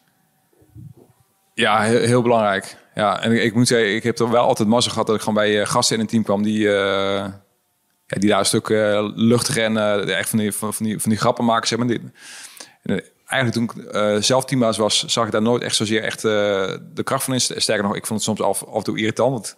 Want ik ben, zelf serieus. en Ik had zoiets van, ja, we zijn met serieuze dingen bezig, een serieuze operatie. En alleen nu vaak achteraf zie ik pas gewoon de, de luchtigheid en eh, het effect van die, van die gasten ook. Van het inzetten van daadwerkelijk van, eh, van humor. Dus bijvoorbeeld, ik had ook een, een, een teamleider. Eh, toen was ik zelf opvolgend, eh, eh, opvolgend teamleider. Ja, dat was echt zo'n gast die super goed in zijn werk, maar wel altijd gewoon eh, met, met de kwinkslag en met, eh, met, met heel veel humor. En dat, ja, dat, dat zorgde voor zoveel verbinding binnen, binnen ons team. Ehm, ja, dan, la- later zag ik, pa- zag ik daar pas echt de, de kracht van in. Maar ook het omgaan met moeilijke situaties. Er, er zit wel een, een, een keerzijde aan. Als je humor gaat inzetten als een soort van kopingsmechanisme om alles maar een klein beetje weg te moffelen, dan, dan kan het ook een klein beetje gevaarlijk zijn. Maar je hebt het af en toe nodig. En volgens mij is het ook een beetje, waar we het net ook over hadden, met- het trauma. Dat, dat moet een klein beetje ontladen af en toe. En ik denk humor en lachen met elkaar en gewoon, ja, dat zorgt ervoor dat, dat, dat de spanning eraf gaat. Ja. Iemand zei mij ooit een keer, elk grapje zit een gaatje aan waar de waarheid aan fluistert. Ja. Eh, dus het is een manier om, om druk eraf te halen. Is wat je Precies, ja. ja. Interessant. In het verlengde daarvan had je het in je boek niet over, maar wel iets wat ik eh, meen te herkennen ehm, vanuit de vechtsport. Eh, is dat als je groepen mannen bij elkaar zit, ik weet niet of mevrouw ook zo is, want nooit mee in de kleedkamer gezeten, ehm, maar soms ontstaat er een cultuur van elkaar sarren. Ja. Maar compleet broederlijk. Ja. Eh, en mensen die daar op afstand naar kijken, die kunnen nog eens denken: wat de fuck is er mis met jullie? Hoezo Ja. gaan jullie zo met elkaar om? Is Ja. dit, dit, dit lijkt bijna pesten, Ja. maar toch is het eh, fraternal. Ehm, dat gebeurt bij binnen, Defensie denk ik ook wel. En eh, wat, wat vind je daarvan? Ehm, ja, dat, dat, hoort inderdaad wel, zit wel een beetje in de cultuur ook. En gewoon ook, en ook dat, een beetje dat, dat, dat harde. En vaak is het een klein beetje ook in combinatie met de humor om te kijken hoe, hoe mensen reageren. Dus bijvoorbeeld in, in, in, de, in de zit een, eh, een voorstelavond. Heb je dat gelezen in mijn boek? Nou, in ieder geval een, een voorstelavond. Dus de aspirant kickboxmannen, ja, dat zijn dan, die zijn dan hè, nog helemaal niks. En die komen dan bij de eenheid. En de eenheid, die zitten dan eh, in hun eigen verblijf. Die, die, hebben al een paar, paar biertjes op. En dan moeten de aspirant kickboxmannen in een, in een nette tenue... gaan ze op een kartje staan en moeten ze zich voorstellen aan, aan de eenheid. En wie zij wel niet denken te zijn, zeg maar, om bij de eenheid te mogen dienen. Dus die gasten worden daar finaal afgebrand, zeg maar. en gewoon door de hele eenheid zijde op een krukje. En dan word je echt gewoon helemaal door het slijk gehaald. En dat is gewoon puur om te kijken hoe, hoe zij daarop reageren. En of zij gewoon, ja, gewoon met passen in de cultuur. En of zij om kunnen gaan met... En, zichzelf vooral ook niet serieus nemen. Dat is vaak ook gewoon eh, super belangrijk natuurlijk. En helemaal binnen zo'n context. Dus ik denk dat heel, eh, als het gewoon op een integere manier gebeurt. En eh, soms zijn er ook wel uitschieters in binnen de eenheid hoor. Dat, eh dat Ik heb gasten. het hier niet over pesten. Hè? Pesten Ja. is iets anders. Pesten Ja. is iemand uitzonderen en met negatieve intenties het leven zuur maken. Nee, nee, ik heb het echt over oude hoeren. Ja. grapjes onder elkaar. ja dat, dat, dat is constant. En, en, en, dat, dat is zo... Gewoon echt van die, van die klote geintjes bijvoorbeeld. Waar er ook... nou, bij, bijvoorbeeld heel veel gasten die, die, die deden dat, dat soort grapjes eigenlijk. Dus we hadden heel vaak trainingen op eh, Nederlandse Antillen. En s'avonds gingen dan vaak eh, hardlopen. En eh, er liggen vaak heel veel van die dode leguanen langs de weg. Dus 9 van de 10 keer als gasten terugkwamen van het stappen... lag er weer zo'n dode leguaan in hun bed, weet je. Dat soort... eh, dat soort dus het houdt je gewoon super scherp op elkaar, weet je wel. Ja. Ja, ik bedoel, eh, elke baan die ik ooit heb gehad, waar ik uiteindelijk een lid werd van het team, ben ik wel een keer op eh, pad gestuurd voor de variant op de blauwe plintladder. Ja, ja, ja. En voor de mensen die dat niet weten, als je ooit op pad wordt gestuurd voor een blauwe plintladder, dan zijn ze met een gelulverhaal gewoon iets aan het Ja, laten doen. ja, ja. En Iedereen die erbij betrokken is, die weet het natuurlijk. Dus Ja. ja, ja gek. Maar dat, ja, ik denk dat dat ook een soort, hetzelfde als humor. Eh, vooral bij eh, rauwe gasten krijg je soms ook wel een beetje ego-frictie. ja. En dit is een hele goede manier om dat een klein beetje in goede banen te leiden. Ja. Want anders wordt het knokken, denk Ja, ik. ja, ja, ja. Eh, het gebeurt wel eens binnen de eenheden. Dat, dat gasten ook gewoon even met elkaar op de vuist moeten. Ik, ik heb nooit meegemaakt. Nooit meegemaakt Nee, dus. Nee. nee, oké. nee. Soms zie je bij, bij vechtsport zie je wel eens. Dan heb je twee gasten, zijn contenders. Ja. Ja. ongeveer even goed. En die komen elkaar dan tegen tijdens het sparren. Die zijn altijd net even iets dynamischer Ja, eh, ja. als de andere Ja, sessie. ja. Ik denk, Oh, wauw, dat gaat er wel echt op daar, weet je wel. Ja, ja. Dus, eh, maar dat is eh, minder, minder lastig. Nee, ik, ik heb nooit meegemaakt. nee. Duidelijk. Ehm, nou, dan tot slot komen we bij het stukje ehm, debrief. Ehm, omdat, leuk dat je de klus hebt geklaard. Ja. Maar het afronden daarna is minstens even belangrijk. Op een aantal, om een aantal redenen. En ehm, de eerste ehm, is, denk ik, eh, sowieso evaluatie. Hebben een doel gehaald. Mhm. Ehm, maar eentje waar je het er straks ook al over had, en ik weet niet of dat helemaal standaard is, is, is het stukje decompressie. Ja. En vervolgens dat wat er gebeurd is, ook een soort van verwerken of zo. Ja. Dus denk ik niet helemaal standaard, maar hoe zou je dat met alles wat je nu weet inrichten eh, als je opnieuw in die positie van teamlead zou zitten? Ehm, met, specifiek met decompressie in die brief? Ehm, nou, ik, denk met dat stukje de, de- decompressie of diffusing, zeg maar. Als je na een operatie eigenlijk... Je wilt eigenlijk met zoveel mogelijk helderheid... eh, wil jij eh, gaan debriefen. Eh, met zoveel mogelijk helderheid eigenlijk, eigenlijk kijken wat er is gebeurd... en wat, wat je hebt ervaren, zeg maar. En om dat te kunnen doen, moet je eigenlijk daarvoor, denk ik, eh, een stukje decompressie. Dus gewoon de emotionele lading van wat je hebt ervaren, wat je hebt gezien, wat je hebt meegemaakt, om dat eh, eraf te halen. Eh, en het kan door middel van het ges- gesprek aan te gaan. Dus niet zozeer wat is er tactisch gebeurd of welke procedures hebben we uitgevoerd, uitgevoerd maar wat gebeurde met jou, wat heb je gevoeld, wat heb je ervaren. Nou, dat zou je kunnen verlengen met misschien ademwerk of lichaamswerk, zeg maar, om op, die manier, zeg maar, ja, toch dat stukje te decompressen eigenlijk. En vanuit daar kun je volgens mij met veel meer helderheid kun je gaan, eh, gewoon de procedures gaan omschrijven en wat er specifiek is gebeurd, zeg maar, om, om daarvan te leren. Ja, dus je haalt zeg maar eh, de emotionele ballon, laat je even een soort van Precies. leeglopen. Ja. Ja, Ja. snap ik. Maar is er in zo'n... want ik, Ligt ook aan de tijd die ertussen zit trouwens. Want ik, kan ik, stel me nu voor, je komt terug van missie, je zit nog vol adrenaline en dan zit je daar op je stoeltje en nou moet je het over gevoel gaan hebben. Weet je, Ja. je zit nog vol in eh, operatiemodus. En misschien heb je ook eh, omwille, omwille van, het, eh, van de operationele tempo, zeg maar, eigenlijk helemaal niet de tijd om nog even twee uur gaan we even daar zitten. En dan Ja. over twee uur gaan we de debrief doen. Want nee, we moeten eigenlijk dan weer in de helikopter zitten. Ja. Ehm, wat zijn manieren om dat beter vorm te geven, denk ik dan? Is, is dat überhaupt wel mogelijk, eh, zo kort op een missie? Of eh, is dat iets wat misschien zelfs wel dagen daarna pas kan, omdat je dan ook het perspectief van tijd hebt of zo?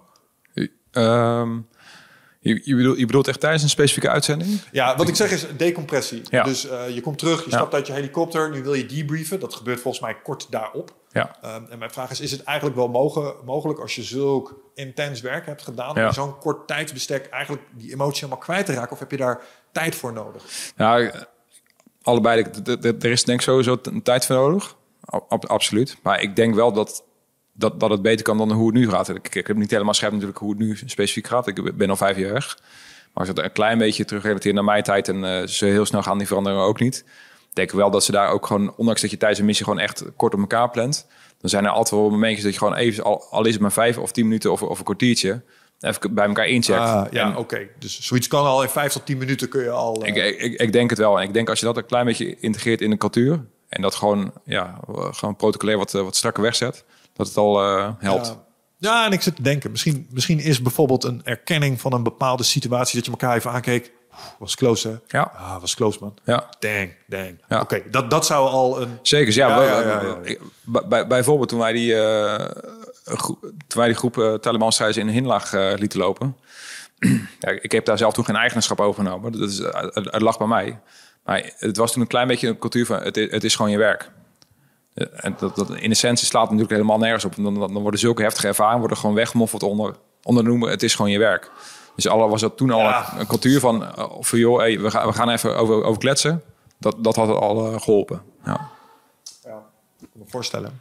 En, en ehm, ja, maar, maar daar is iets voor nodig wat je ook, denk ik, ehm, omschrijft in je boek. Ehm, want ja, als je het van de baas af laat hangen... eh, kijk, ik denk dat Defensie net als elk, elk bedrijf is met een eh, winstoogmerk. Het heeft gewoon een bepaald doel en eh, het maalt niet echt om het individu. Ondanks dat er mensen zitten die wel degelijk om je geven... maar het, het netto effect is dus een gewoon een grote Ja. molen.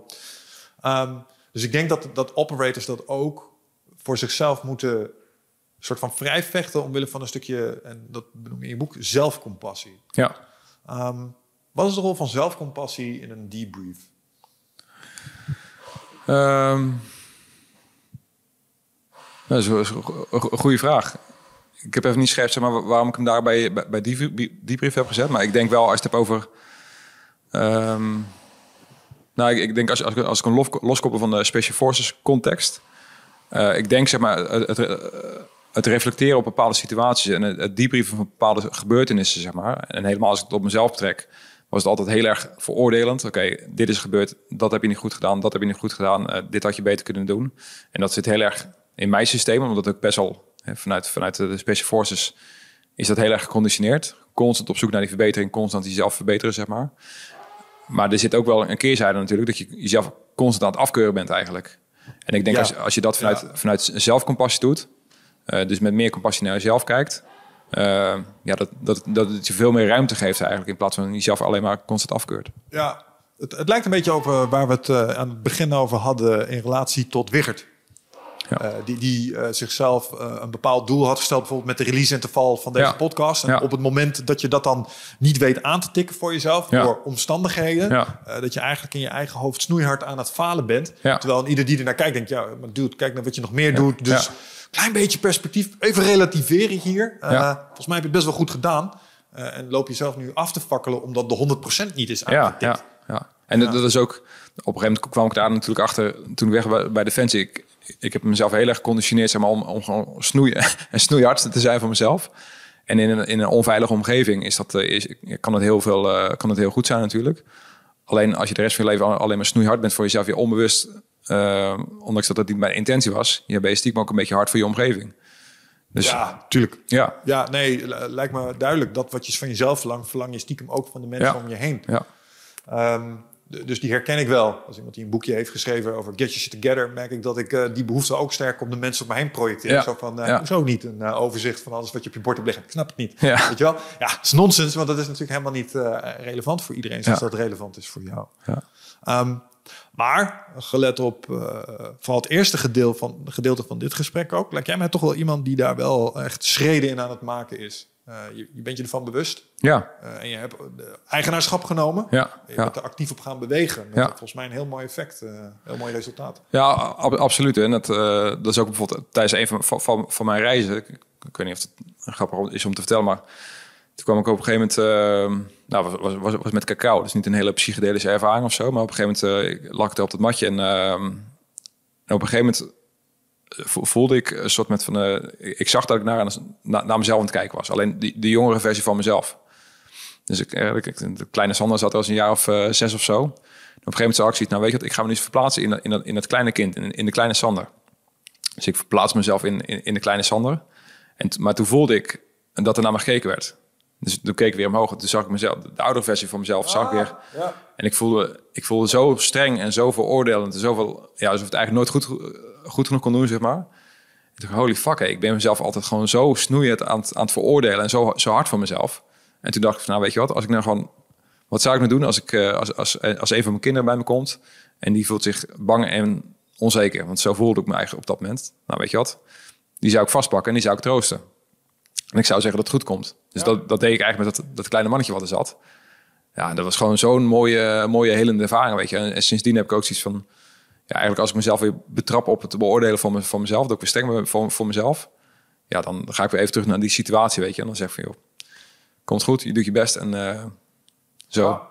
ja, en ik denk dat dat een van de belangrijkste dingen is... om op latere leeftijd een, een goed functionerend mens te zijn. Ja.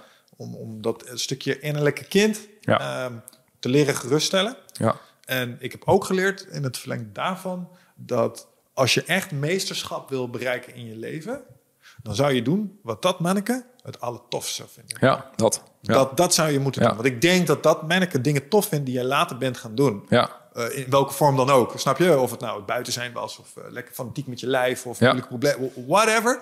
Wat het ook maar was, dat waar je van aanging toen je jong was, ja, ja. is waarschijnlijk een ding dat als je dat nu in je volwassen leven zou oppakken, zou je er uitzonderlijk goed in kunnen Ja, worden. Wat een, een beloning op zich is, natuurlijk. Ja, Dus, uh, ja. Gaaf. Wauw. Sander, we hebben alweer bijna twee uur gedaan, man. Mooi man. Ja, ging hard. Dankjewel. Um, kom er nog iets terug. Afgesproken. Ja, Ja, lijkt me sowieso Leuk, te gek. Want uh, uh, ik heb nog een, een hele lijst met andere vragen die ik je nu niet zal aandoen. Ik wil namelijk heel graag ook nog een keer met jou praten over uh, je expertise als uh, leraar. Want je hebt natuurlijk uh, heel veel kennisoverdracht gedaan. Ja. Doe je nog steeds. En ik denk dat dat een, een aparte vaardigheid is... waar je misschien ook wel wat zinnigs over zou kunnen vertellen. Leuk, ja. Een van mijn volgende boeken zal gaan over het leerproces. Ik ben altijd een hele grote fan geweest van Tim Ferriss. Ja. En die had de 4-Hour Chef. En dan leert hij eigenlijk hoe je moeilijke, complexe dingen... Uh, hoe je dat makkelijk tot je kan nemen. Nou, en ik denk dat voor instructeurs daar wat uit te halen valt. Maar ik denk dat er nog meer van dat soort uh, inzichten zijn. En die probeer ik eigenlijk bij iedereen die ik nu ken... Ja. die mensen dingen leert, probeer ik die eruit te halen. Dus daar zou ik je sowieso nog een keer voor willen uitnodigen. Leuk man. Ja, te gek. Um, nou, voor de mensen die je nog niet kenden, ik denk fantastische introductie in uh, wie je bent. Um, wat je doet naast uh, boeken schrijven is natuurlijk, je geeft ook nog uh, fantastische trainingen voor het bedrijfsleven. Ja. om ze te helpen met de team alignment, leiderschapsvraagstukken. Dus stel je voor, je luistert hiernaar, je denkt, die Sander, die moet ook een keer bij ons langskomen. Waar kunnen ze je dan vinden? Makkelijkste is www.unbreakable.academy. ja, daar is eigenlijk alles te vinden over wat we doen en wat we allemaal kunnen betekenen voor, voor de mensen. Ja. Perfect. Nou, oké okay, jongens, zoek hem op, stuur hem een mailtje Cool. en dan uh, zie ik jullie weer bij de volgende podcast. Sander, nogmaals bedankt. Mensen, tot de volgende. Ciao.